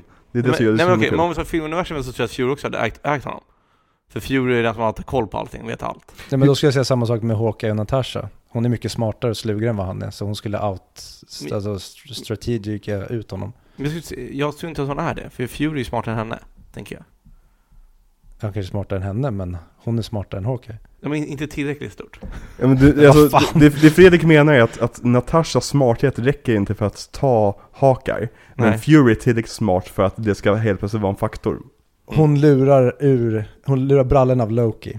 Hon, hon behöver bara dra av sig sin, sin topp och så kommer Hawkeye vara... vara nej, vi, vi Men Hawkeye Fu- vinsten. Fury tycker jag känns som den här karaktären i Invincible. Jag Okej. säger bara det, om du förstår vad jag menar då. Eh, ja, ja, precis. Det, det är så jag ser Mm, honom. mm, Okej, Mm. visst, visst, visst. Så du säger att Fury vinner mot Hawkeye? Jag tycker det. Och du säger att Hawkeye vinner mot Fury? Ja, baserat på logiken innan, när Natasha förlorade. Jag skulle säga att Hawkeye vinner mot Fury också. Så, så Hawkeye går vidare. Så Hawkeye är åtminstone den second strongest Avengern. Han hamnar i jävligt bra tre, eller gren här. Han har bra lottning. Väldigt bra seed. Mm. Okej. Iron Man mot Thor. Thor. Ja, Thor utan tvekan. Ja, ja, också Thor. Det är så att han kan, han kan spränga hans rustning och han håller ju på att knäcka armarna på honom till exempel i fighten i skogen. Ja, Som för övrigt är väldigt bra och kul fight. Får han sin yxa så räcker det hugg med den så tror Ja. jag. Ja. Precis. Nej, men jag gillar verkligen att de, de fick ett ögonblick att, att de fick hjälpen att slåss mot varandra också. Mm. För det var alltid typ det roligaste med att läsa en Avengers-tidning när det var ett nytt lag. Att de Mm. alltid blev ovänner och började slåss mot varandra. Eh, och hur Captain America kommer in och ska vara pappa. Typ att, nej nej, nu räcker det, hörni. Mm. Eh, ja. Okej, så finalen står mellan Hawkeye och Thor. Okej. Eller? Du, du först Victor. Jag vill få en så här, jag vill skicka in Hulken i finalen här för jag tycker det är taskigt att Hawkeye är här. Men Vem Ja, vinner? Thor Hawkeye eller vinner. Vinner Thor? nej, Hawkeye. Clint, Clint är bäst. Jo men han tar fram en jävla pil som så anti-Asgardian arrow liksom, blåser huvudet av Thor. Så han är helt plötsligt en trollkarl. Han kan men- bara, nej, men- det är som sitt koger bara, Tony Stark Ja, har, har kommit på en rolig pil till honom eller någonting. Jag vet inte. ja men då är han ju en magician. Då är det så här, vad vi vill att han ska klara av, det klarar han Och av. det är Hawkeyes karaktär. Ja, ja, då vinner Jag, han. jag börjar misstänka att Alex har planerat här från början att få Det Håkan här till är finalen. helt och hållet improviserat. Bara för att Så reta det- Viktor. Vad säger du? Vem vinner mellan Thor och Hawkeye? Thor. Hawkeye. Jag väljer att Hawkeye vinner, så Hawkeye vinner priset som den starkaste Avengern! Yes! Åh gud. Det här gick inte alls dit jag trodde det skulle gå. inte det också, by the way, lite moschen-toschen? Om man får uttrycka mig så. Moschen Toschen? Det är lite konstigt att varför skulle staven inte fungera på Tony Stark? För att han har en plåtbit där. Jo men det är inte att du måste nudda huden. Det, vad vet du om hur staven Ja funkar? men, ja, men, men det är så här också då som att men han, har, han har två lager tröja så det går inte igenom tyg. Nej men de, de andra har ett hjärta väldigt som bankande så här, men han är ju som, alltså jag, jag ser det som att energin, om jag ska bortförklara det, typ att energin från arc-reaktorn är den som suger upp mind control-effekten. Mm. Men där fin, det är inte kopplat till hans kropp. Liksom. Nej, alltså grejen är, det är ingenting som jag går sömnlös över. Men Det, det, hoppas jag verkligen. men det, är, det är ju ganska dåligt egentligen. Mm. Nej, och lite tönt att han bara inte kan flytta den 5 cm åt sidan. Ja, och så försöker igen. Ja, Mm. utan det är bara exakt i mitten igen. Nähä?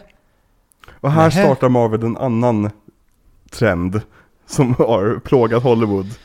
Åh. The big beam in the sky. Dock Ja. tycker jag att det här hålet ser jävligt snyggt ut. Ja, jag har jättesvårt för den här blåa riktningen de har valt att gå med sin Tesseract och ja, nej, tyvärr. Det är, It's not your jam. nej, det är alldeles för eh, barnsligt för mig. Mm. Det blir alldeles för, inte den här världen på ett sätt som om du ska få in en annan värld så tycker jag att det ska kännas mer som en materia som är i vår värld snarare än att det är i typ en animerad film. Mm. Det är lite för mycket Pixar. Det är för att gör snyggt där när armen åker upp Mm. och, och bara spränger skiten ur dem. Och alla de här praktiska explosionerna nu, på marken med alla taxibilar som blir skjutna. Det är verkligen för att placera oss på, på marken Mm. med de civila.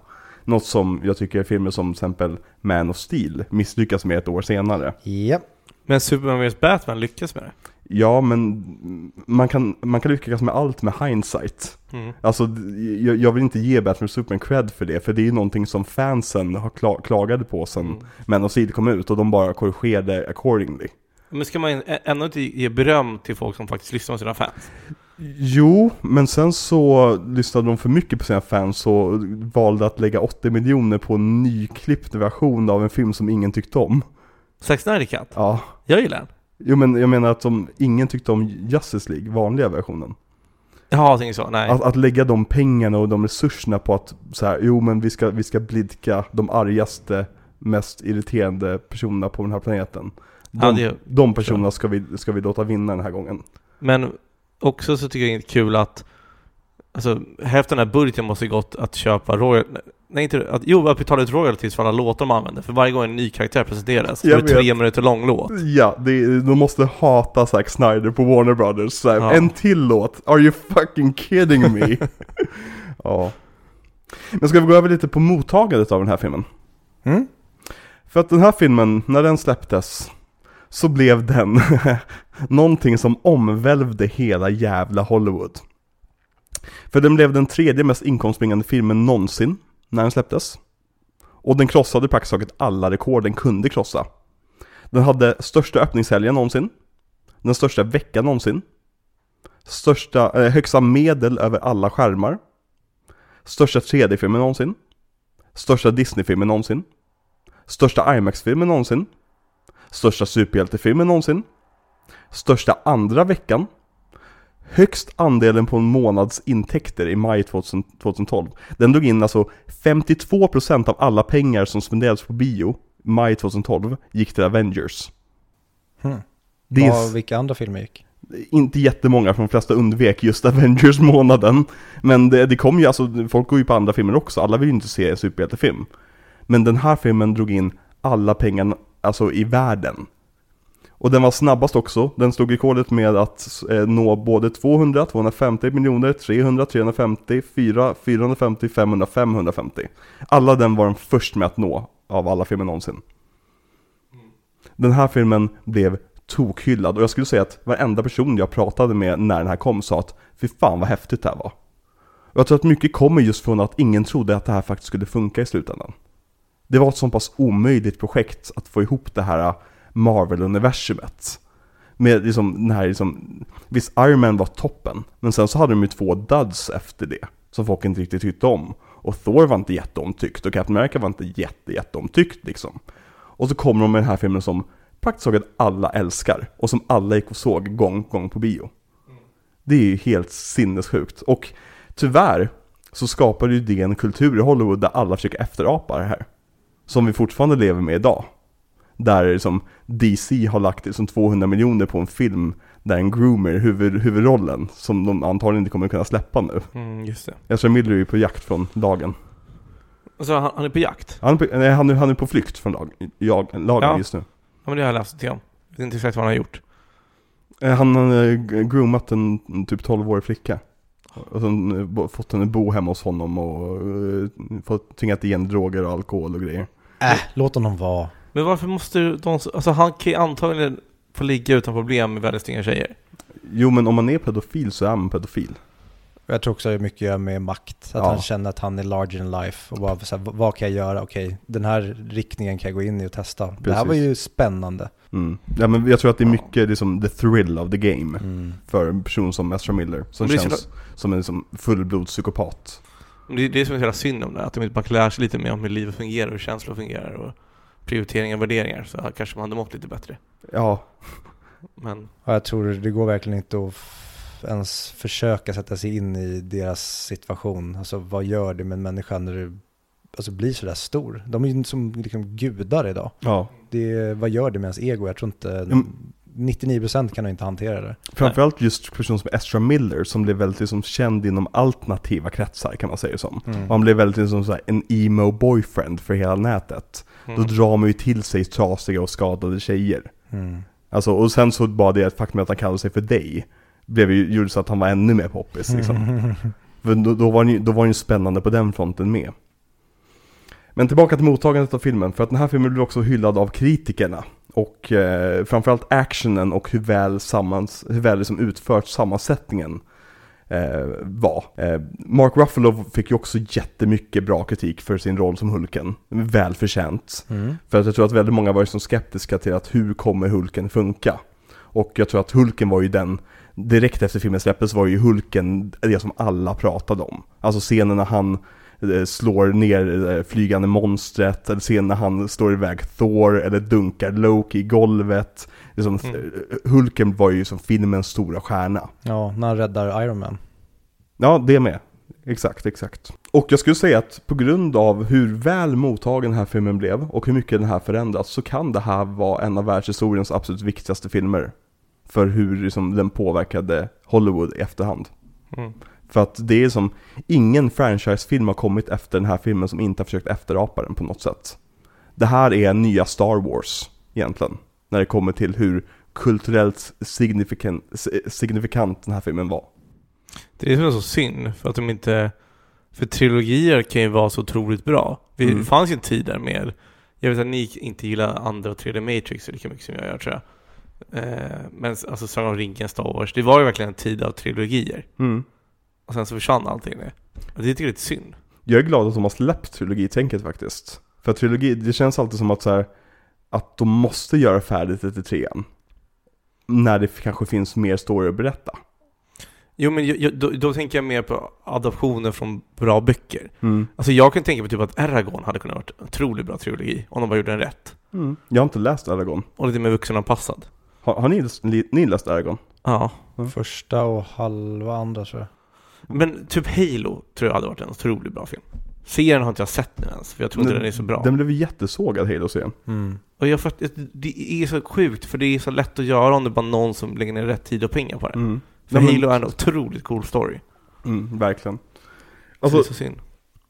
det jag tycker är lite komiskt nu efterhand är det att av alla Avengers som är med i den här filmen så är Hawkeye den enda som blev de- delegerad till en tv-serie. Lite mobbing mot Hawkeye tycker jag. Jag tycker han förtjänar det. Han är ändå den starkaste Avengern. Han är den starkaste Avengern. Åh, underbart.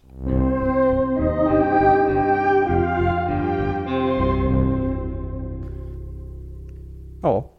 Har vi några sista avslutande ord om just Avengers-filmen? Betyg? Ja, ska vi dra betyg på den här filmen? Jag har redan spoilat min 9 av 10. Min eh, sitta och eh, runka i pojkrummet 9 av 10, som jag kan kalla det. Får jag bara fråga, du, du som har koll? Ja. För när vi, när vi var på Comic Con Mm. så sa jag att jag längtade fram till när Khan the Conqueror kommer med. Mhm. Och då trodde vi att det skulle vara i Spider-Man. Nej, i eh, Doctor Strange. Mhm. Ha, har ni två sett den? Ja. Mm. Det var han ju inte. Nej. När fan får vi se Kang the Conqueror? Det, det sa jag ju på Comic Con. I Ja. Ant-Man 3. Ja, var det Ant-Man 3 det är? Ja. Quantumania. Ja, jag hoppas verkligen. Ja men han är castad. Det var, då, det var så vi fick reda på att han, han skulle dyka upp. Okej, men då så. Att han blev castad för Ant-Man 3. Betyg? Ja, betyg. Vad sätter du på den här? Eh, 7,5 av 10. Får du inte. Får sätta ett halvår i er podd? Du får göra vad du vill. Du får sätta exakt vilket betyg du vill. var det varje gång på Du kan sätta 7 av 5 på den här. Eh, då sätter jag 7 av 5308. Åh jävlar, tycker du den så dålig? Nej men det är bra. 7 av 5000! Ja, men det är en helt det, annan det är inte skala. ens en promille! Den här funkar som Richard-skalan, att den ökar kontinuerligt. Jaha, det blir som mindre och mindre, expo- det är som så här. Nästa steg är 2000. okej okej. ja. Nej jag skojar. Nej men, nej, men nog 7,5 av 10. Det är en sån här klassisk underhållande film. Men ingen mer så skulle jag säga. Mm, så mellan en, en 3,5 och en 4 egentligen. Ja. Ja, en, en bra dag kanske en 4, en dålig dag en 3,5. Ja. Ja. Bra, bra förklarat. Nice. Mm. Det är en 3 av 5.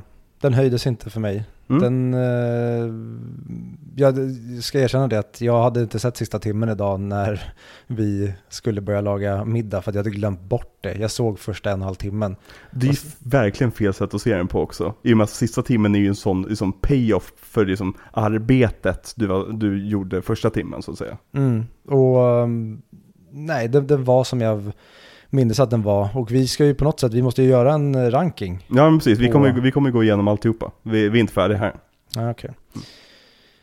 Eh, nej, alltså det, det är en helt okej blockbuster. Mm. Det är ingenting jag njuter av speciellt mycket. Det är ingenting jag kommer kolla på igen tror jag. Men- Ehm, Jag insåg precis en sak. Är du den enda personen på den här planeten som sätter Thor över Avengers? Ja. Mm. Jag ska bara plocka fram min lista. Får jag pitcha om eh, ett, ett tema som du borde köra nä- nästa gång? Mm? Det tycker jag att alla gäster borde få göra. Jag tycker att ni kan ta, kan ta regissören Nitesh Tiwari. Och vem är det? Det är han som gjort Dangal. Och köra alla hans filmer. Hur många har han gjort? Ja, så många har han gjort. Jag vet inte. Jag ska kolla. Eh, hur ser man det smidigast? Han har skrivit 12 filmer.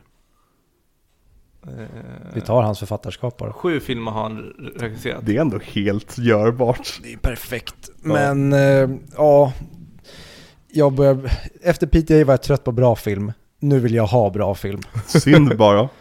För dig, Viktor. Med tanke på vad nästa regissör kommer vara. Ja, Men det kommer vi avslöja om en liten, liten stund. men jag tror att det kommer vara så jävla kul. Ja, det kommer vara skitkul. Men okej, ska vi köra våra listor då? Ja, Jag kör min lista först. På plats nummer sex så har vi The Incredible Hulk. Det är den absolut sämsta Marvel-filmen, hands down. Och ger en 2 av 5 med, med, då, och då känner jag mig snäll när jag ger den 2 av 5. På plats nummer 5 har vi Iron Man 2. Eh, den är roligare, lite glättigare. Jag tycker om den filmen mycket. Eh, jag tycker my, många saker mer än tycker jag om, men jag tycker inte om filmen i helhet. På plats nummer 4 har vi Thor. Och här har vi ett tydligt hopp upp mot Iron Man 2. För Thor tycker jag var underbar den här gången när vi såg om den. Och det är en film som jag varje gång jag ser om den känner att ja, fan vad de bara lyckades med den här filmen.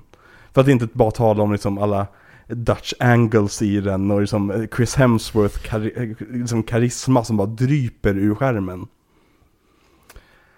På plats nummer tre har jag Captain America The First Avenger. Och det är en av mina absoluta favorit Marvel-filmer. I just bara känslan på det här eh, liksom klassiska äventyrsfilmen. Jag tycker att Joe Johnston verkligen slänger pengarna på skärmen när han eh, liksom designar sina sets. Och Jag tycker att Chris, Hem- eh, Chris Evans är klockren som Captain America. På plats nummer två så har vi The Avengers. tack.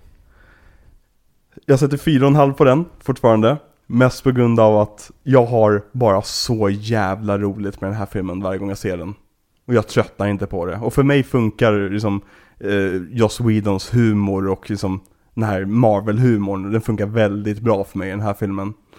Eh, det enda negativa är väl det jag har tagit upp i den här podden, men det är ingenting för att, som är tillräckligt negativt för att dra ner mig. Och på plats nummer ett så har vi den, nog den bästa Marvel-filmen någonsin. Jag måste återkomma om några år. Men Iron Man. John Favreaus start på det här episka jävla universumet som vi har fått till slut. Och det var min lista. Mm. Vad är din jag lista Victor? tänker inte berätta det. Det tar jag när vi är klara med Face 4. Face... Du ska köra hela Marvel? Ja. Nej. Eh, sist på listan, då har vi den otroliga Hulken. Mm, Åh, vad oväntat. Och eh, jag kan bara copy-pasta det du säger. Det är en bedrövlig film, den borde Mm. aldrig ha gjorts. Eller skulle den ha gjorts, då skulle den ha gjorts under helt andra förutsättningar. Ja. Okej, Fuck, Mary Kill, den, Hobbit och, och eh, Transformers 2. Fuck Transformers 2. För det kan vara kul ändå att Mm. se den, för den är så pass otroligt dålig. Mary, då tar jag Hulken för att det är MCU. Och Mm. Kill Hobbit för att det, Hobbit är en abomination av ett projekt. Mm. Vilken Hobbit? Ett. Oj, ja, men då tar jag Jag- Mary Hobbit 1. Jag tror du Eh, menar konceptet Hobbit. Jag tar Fuck... Det är eh, bara scenen när vi åker med tunnor nerför floden. Men det är ja, ju men det är tvåan. tvåan. Okej, bara den scenen. Okej, men om vi tar tvåan då kan allt dra åt helvete. Nej men Hobbit 1, Mary. ehm, fuck Transformers 2 och Kill Incredible Hulk. För den får jag inte ut någonting av. Vil- vilken är din, du behöver inte dra en lista för du har inte hunnit förbereda den antagligen, men vilken är din favorit av Marvel Phase 1? Oj, Phase One? Mm. Det har jag nog inte tänkt på. Men jag kanske får till och med slänga in Iron Man Ja. 1. Men jag tycker att folk överhypar den personligen. När såg du om den senast? Ganska nyligen. Ja. Eh, fallet för någon månad sedan. Jag, jag tycker den är lite överhypad. För- Mhm. Men jag vill ha det mäktiga. Mm. Den, Nej, men, så, jag tycker Endgame är min favorit. mm, nej, men jag, jag, jag skriver ju under på det. Ja. Eh, alltså fan, nej, jag ser alla Avengers-filmer nu. Okej. Okej, kör din lista Viktor. Eh, efter den, då har vi Iron Man 2. Som Mm. vi sa i avsnittet, det är nästan lika dålig film som Hulken. Mm. Men den har ett väldigt stort tittningsvärde. Mm. Man har kul med den på ett annat sätt. Hulken vill man aldrig Snygg åt. action också. Absolut, absolut. De gör roliga grejer, de gör jävligt pantade grejer. Ehm, också den, pris- Hulken är en 2 av 5. Samma sak med Iron Man 2, det är en 2 av 5. Sen kommer nog Avengers. Mm. 3 av 5. Ehm, det- Kul. Som jag sa, den, den är nice. Det är helt, okej. Men som sen de som kommer ovanför där då, nästa på listan är Captain America. Och den, det är just det när du säger man kastar saker på skärmen. Jag gillar hela den första delen med när Steve är smal och spinkig och Mm. måste kämpa mot oddsen och sen han får möjligheten och hur han tar möjligheten sen tredje akten och CGI-grejerna som kommer in det, det sabbar en del men den är fortfarande Ja. härlig. Den är också en 3 av 5 men mer åt en 7, 7 av 10 Mm. än vad ehm, Avengers är. Mm. Och sen Thor, bara för att den har jag verkligen kul med. Alltså det är så Mm. kul att se Chris Hemsworth och den kvartetten som är i den filmen har Mm. jag jätteroligt med. Så det är verkligen en underhållande film på ett annat sätt. Så den, och den är också, det är också en 3 av 5, Ja. men den är också ännu lite närmare en 7 av 10, eller en 3,5. Ja. Ehm, men ja, det är nummer två. Och sen ja, Iron Man. Jag håller med dig i det du säger. Det är en av de bästa superhjältefilmerna som gjorts. Mm. Det är perfekt hur den startade hela universumet och jag gillar verkligen hur, jag älskar ju Nolans superhjältestil Mm. och den är verkligen lik Batman Begins på Ja. så många sätt och där tycker jag Batman Begins är den bästa superhjältefilmen som har gjorts tycker jag och jag tycker att Iron Man är verkligen i, den är, den är en liten bit bakom men den är inte långt därifrån och den är en 9 av 10. Fy fan vad intressant ändå. alltså verkligen, alltså jag, jag kom, vi kommer komma tillbaka till alldeles strax. Jag vill bara veta, vem, du sa det kanske tidigare, vem är din MVP i Avengers? Och vem är din MVP över Marvel Phase 1? MVP i den här filmen är det Mark Ruffalo Mm. eh, och framförallt eh, Hulken. Och framförallt hur de framställer Hulken. Ja. Det, det är klart man ska säga kudos till Mark Ruffalo, men hur de bara får honom att se ut och Mm. hur de använder honom är så jäkla ballt. Mm. Och i hela... Hmm. Fan, Tony Stark är ju det efter första filmen, men jag gillar inte honom i de andra två. Oh, vad svårt. kan det vara Chris Hemsworth? Ah, vänta, glömmer jag någon här nu? Ja men det är nog fan Chris Hemsworth. Men samtidigt, jag gillar typ lika mycket Chris Evans i Ja. Captain America. Han gör precis samma grej fast bara i en annan riktning. Han gör det lika väl. Mm. Ja, nej men fan Chris Hemsworth. Kul! Han är, han är så jävla kul. Ja, Han, han är verkligen, han, han är för stor och för musklig och för vacker för att kunna vara så här rolig. ja verkligen. Jag skulle säga att min MVP i den här filmen är nog eh, Black Widow. Eh, Natasha. Eh, Ja, jag, är- jag är med på Scar- det. också. Scarlett Johansson. Jag tycker hon är bara klockren i varenda scen hon är med i. Eh, alternativt Samuel L. Jackson som Nick Fury. Tycker också han är helt jävla klockren. Jag skriver under på Mark Ruffalo. Eh, liksom, det är helt klart. Men eh, fan, eh, MVP över hela MCU Phase 1, då, då fan, jag måste nästan säga Chris Evans då, eftersom du tog Hemsworth.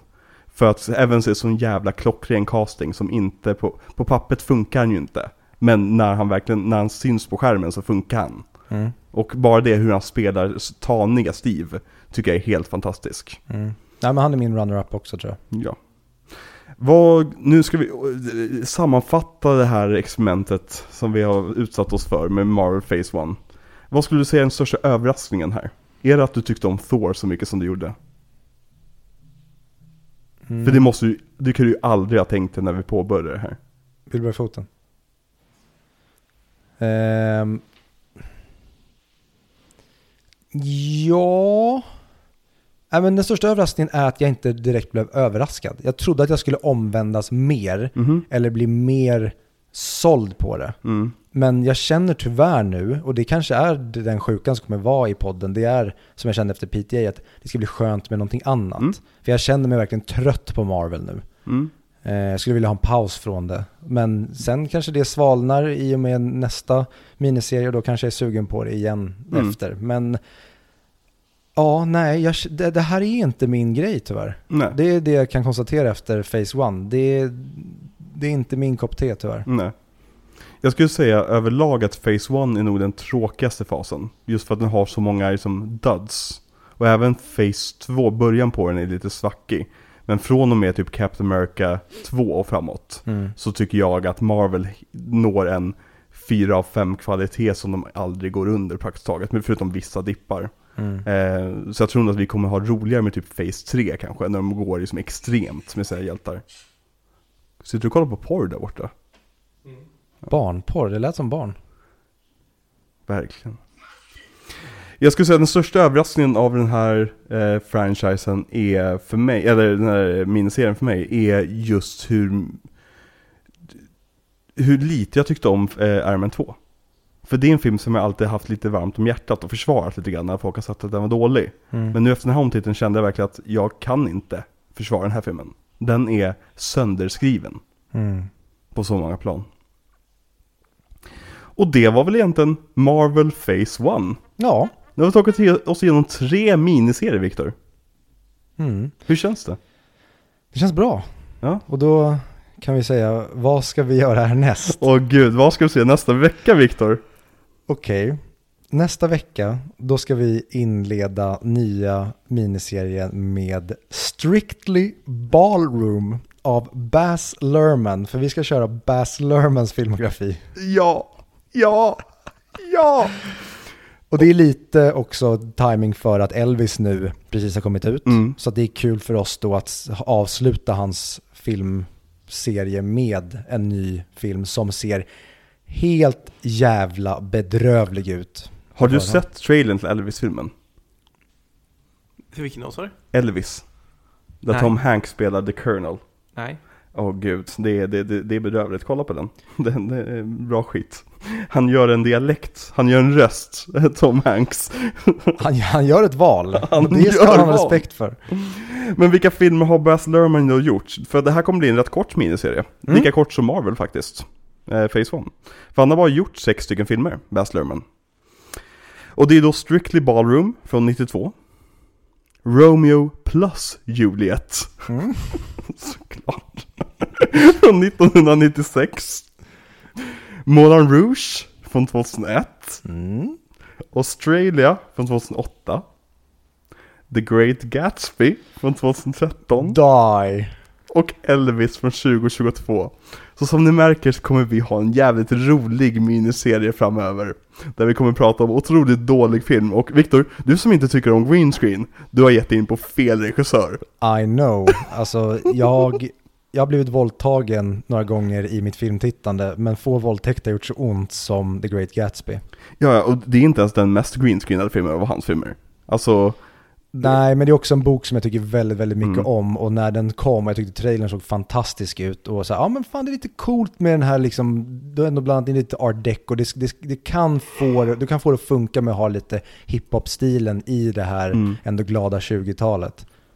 Och så var det, ja, vi kommer jag, till vad jag det har var. inte sett den filmen. Nej just det, vi har Mm. inte sett den. Nej, jag har en- bokstavligen inte sett den. Jaha, och jag har inte heller sett den, för nu, vi, vi, ingenting som sker framöver har vi sett förrän vi kommer till den filmen. Billberg, vad har du för relation till Baz Luhrmann? Great Gatsby. Bara, du har inte sett Moulin Rouge eller? Jag vet inte om jag har sett Romeo plus Juliet. Ja, Det är, är inte det med Leo? ja det är med Leo. Det känns som en film man fick se i skolan. Jag tror att jag har sett den. Mm. Gick på TV4 mycket känns som. Jag har inte sett Moulin Rouge vad jag kommer ihåg. Mm. Inte Australia. Nej, inte vad jag vet. Nej.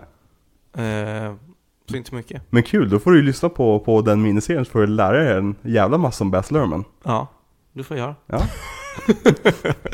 har, ni, har ni koder längst ner? Eller så här, alltså, när ni börjar prata om filmen? Om man vill skippa försnacket? Nej, nej, fan försnacket, vi- det är saker vi tvingar på våra lyssnare. Det, det finns ingen struktur här. Nej, nej, det, vi, vi, vi gör inte, vi gör inte spoilervarningar ens. Vi, vi, och vi varnar inte ens för att vi inte har spoilervarningar, utan vi bara tar ut och kör. Så, ni, så ni kan åka spoila en film som kom ut igår? Jag brukar ha rätt bra, bra koll på oss för att inte spoila allt för moderna filmer. Men har en film kommit för över ett år sedan så är det fair game 100%. Ja men det kan jag köpa. Ja. Framförallt om det är en bra film. Ja, nej men alltså det är så här, vi, vi sitter här och pratar om film, vi vill inte hålla på och sitta och censurera oss själva i många olika sätt liksom. Eh, men fan vad kul att du kunde vara här och eh, gästa oss när vi pratade om den mest powerleveliga filmen. Det var kul att få komma hit Ja, Mm, och få prata lite Avengers. verkligen. Det, Se, se gärna till om det är dags för Star Wars någon gång. det, jag försöker föreslå Star Wars Victor att klämma in det här där, men han, han, han säger nej. Se till om det blir lite hjälp att slå slag för prequels så är jag tillbaka då. Mm. Mm, när det väl är dags, då ringer jag min Avenger. Prequels versus sequels ska vi köra. Mm. Du, du, får, du får med i Star Wars Episod 3 avsnittet då. Ja, du, du kan få paxa det i förhand. Ja, men Phantom Menace är ju den bästa. Vill du hellre prata om den än, än trean? Nej, jag kommer in på trean. Ja. Vad, men eh, plugga, plugga, plugga din podcast igen, en gång till. Ja. Eh, A till öl Mm. är en podcast som handlar om jag och Joel Wallgren som eh, ska provsmaka alla ölsorter på Systembolaget i bokstavsordning. Mm. Och det är då deras stan- standardsortiment. mm. Det är ungefär 350 stycken, Mm. give or take. Kul. Och ni planerar att släppa typ ett avsnitt i veckan när ni väl sätter igång eller? Ja, exakt. Ja. Och det kommer vara lite kortare avsnitt. Ja. Eh, och tanken är då att, precis som öl, eh, nej, tanken är så här att vi ska njuta av den fulla upplevelsen av att dricka öl. Så Mm. därför kommer halva podden vara skitsnack, och sen så kommer vi betygsätta ölen.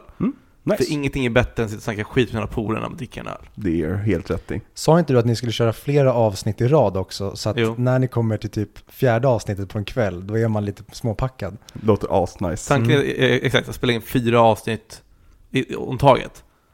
Och sen ha lite olika delmoment. Och sen är det Carlsberg, då kör vi alla Carlsberg på samma. Det finns Mm. ingen idé att Ja, nej men verkligen. ändra. Fan, det är ju askul ja. Ja. Mm. Kul, pro- pro- kul projekt. Du får säga till när den är igång så, så kan vi kanske lägga en länkare ut i vår feed. Men Bra ni får jättegärna komma och dricka öl sen. Ja, Ja, definitivt. lätt. Jag Mm. bara, kan jag få vara med idag? Snälla Fredrik. Det var som en, en, en kompis ville vara med, men inte behöva prata. Bara för Det är dricka, kul. bara för att med dricka öl. Det är kul.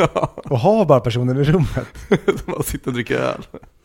Vi vill också ta- tacka våra underbara patrons som har varit med oss på den här resan genom Marvel. Eh, Mhm. tack så jättemycket era galningar som ger 100 kronor i, i månaden. Och även ni som ger mindre pengar också.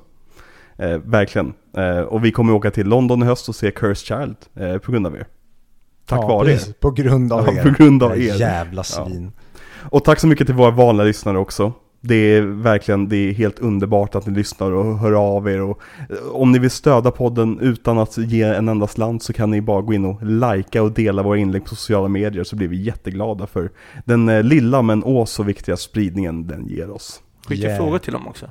Ja precis, skicka frågor till oss. Vi håller på att samla upp frågor till en frågepodd. Ja, så det är jättebra. Ehm, Men med det sagt så har vi inte så mycket kvar att säga än Nej. Harakiri. Ja! Fan, de har kuppat saker här. Säger ni inte det? Jo, jag har ju försökt kuppa in det i varje avsnitt. Nej. Harry Potter. I förra avsnittet blev det Heil Hydra. Hulk smash. Men kör en till då. Harakiri. Yes! Hejdå. Hajöken.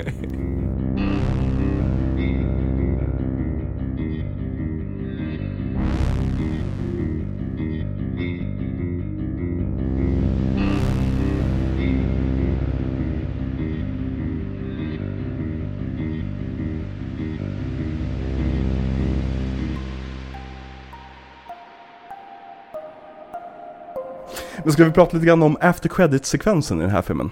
Mm? Fanas. Thanos.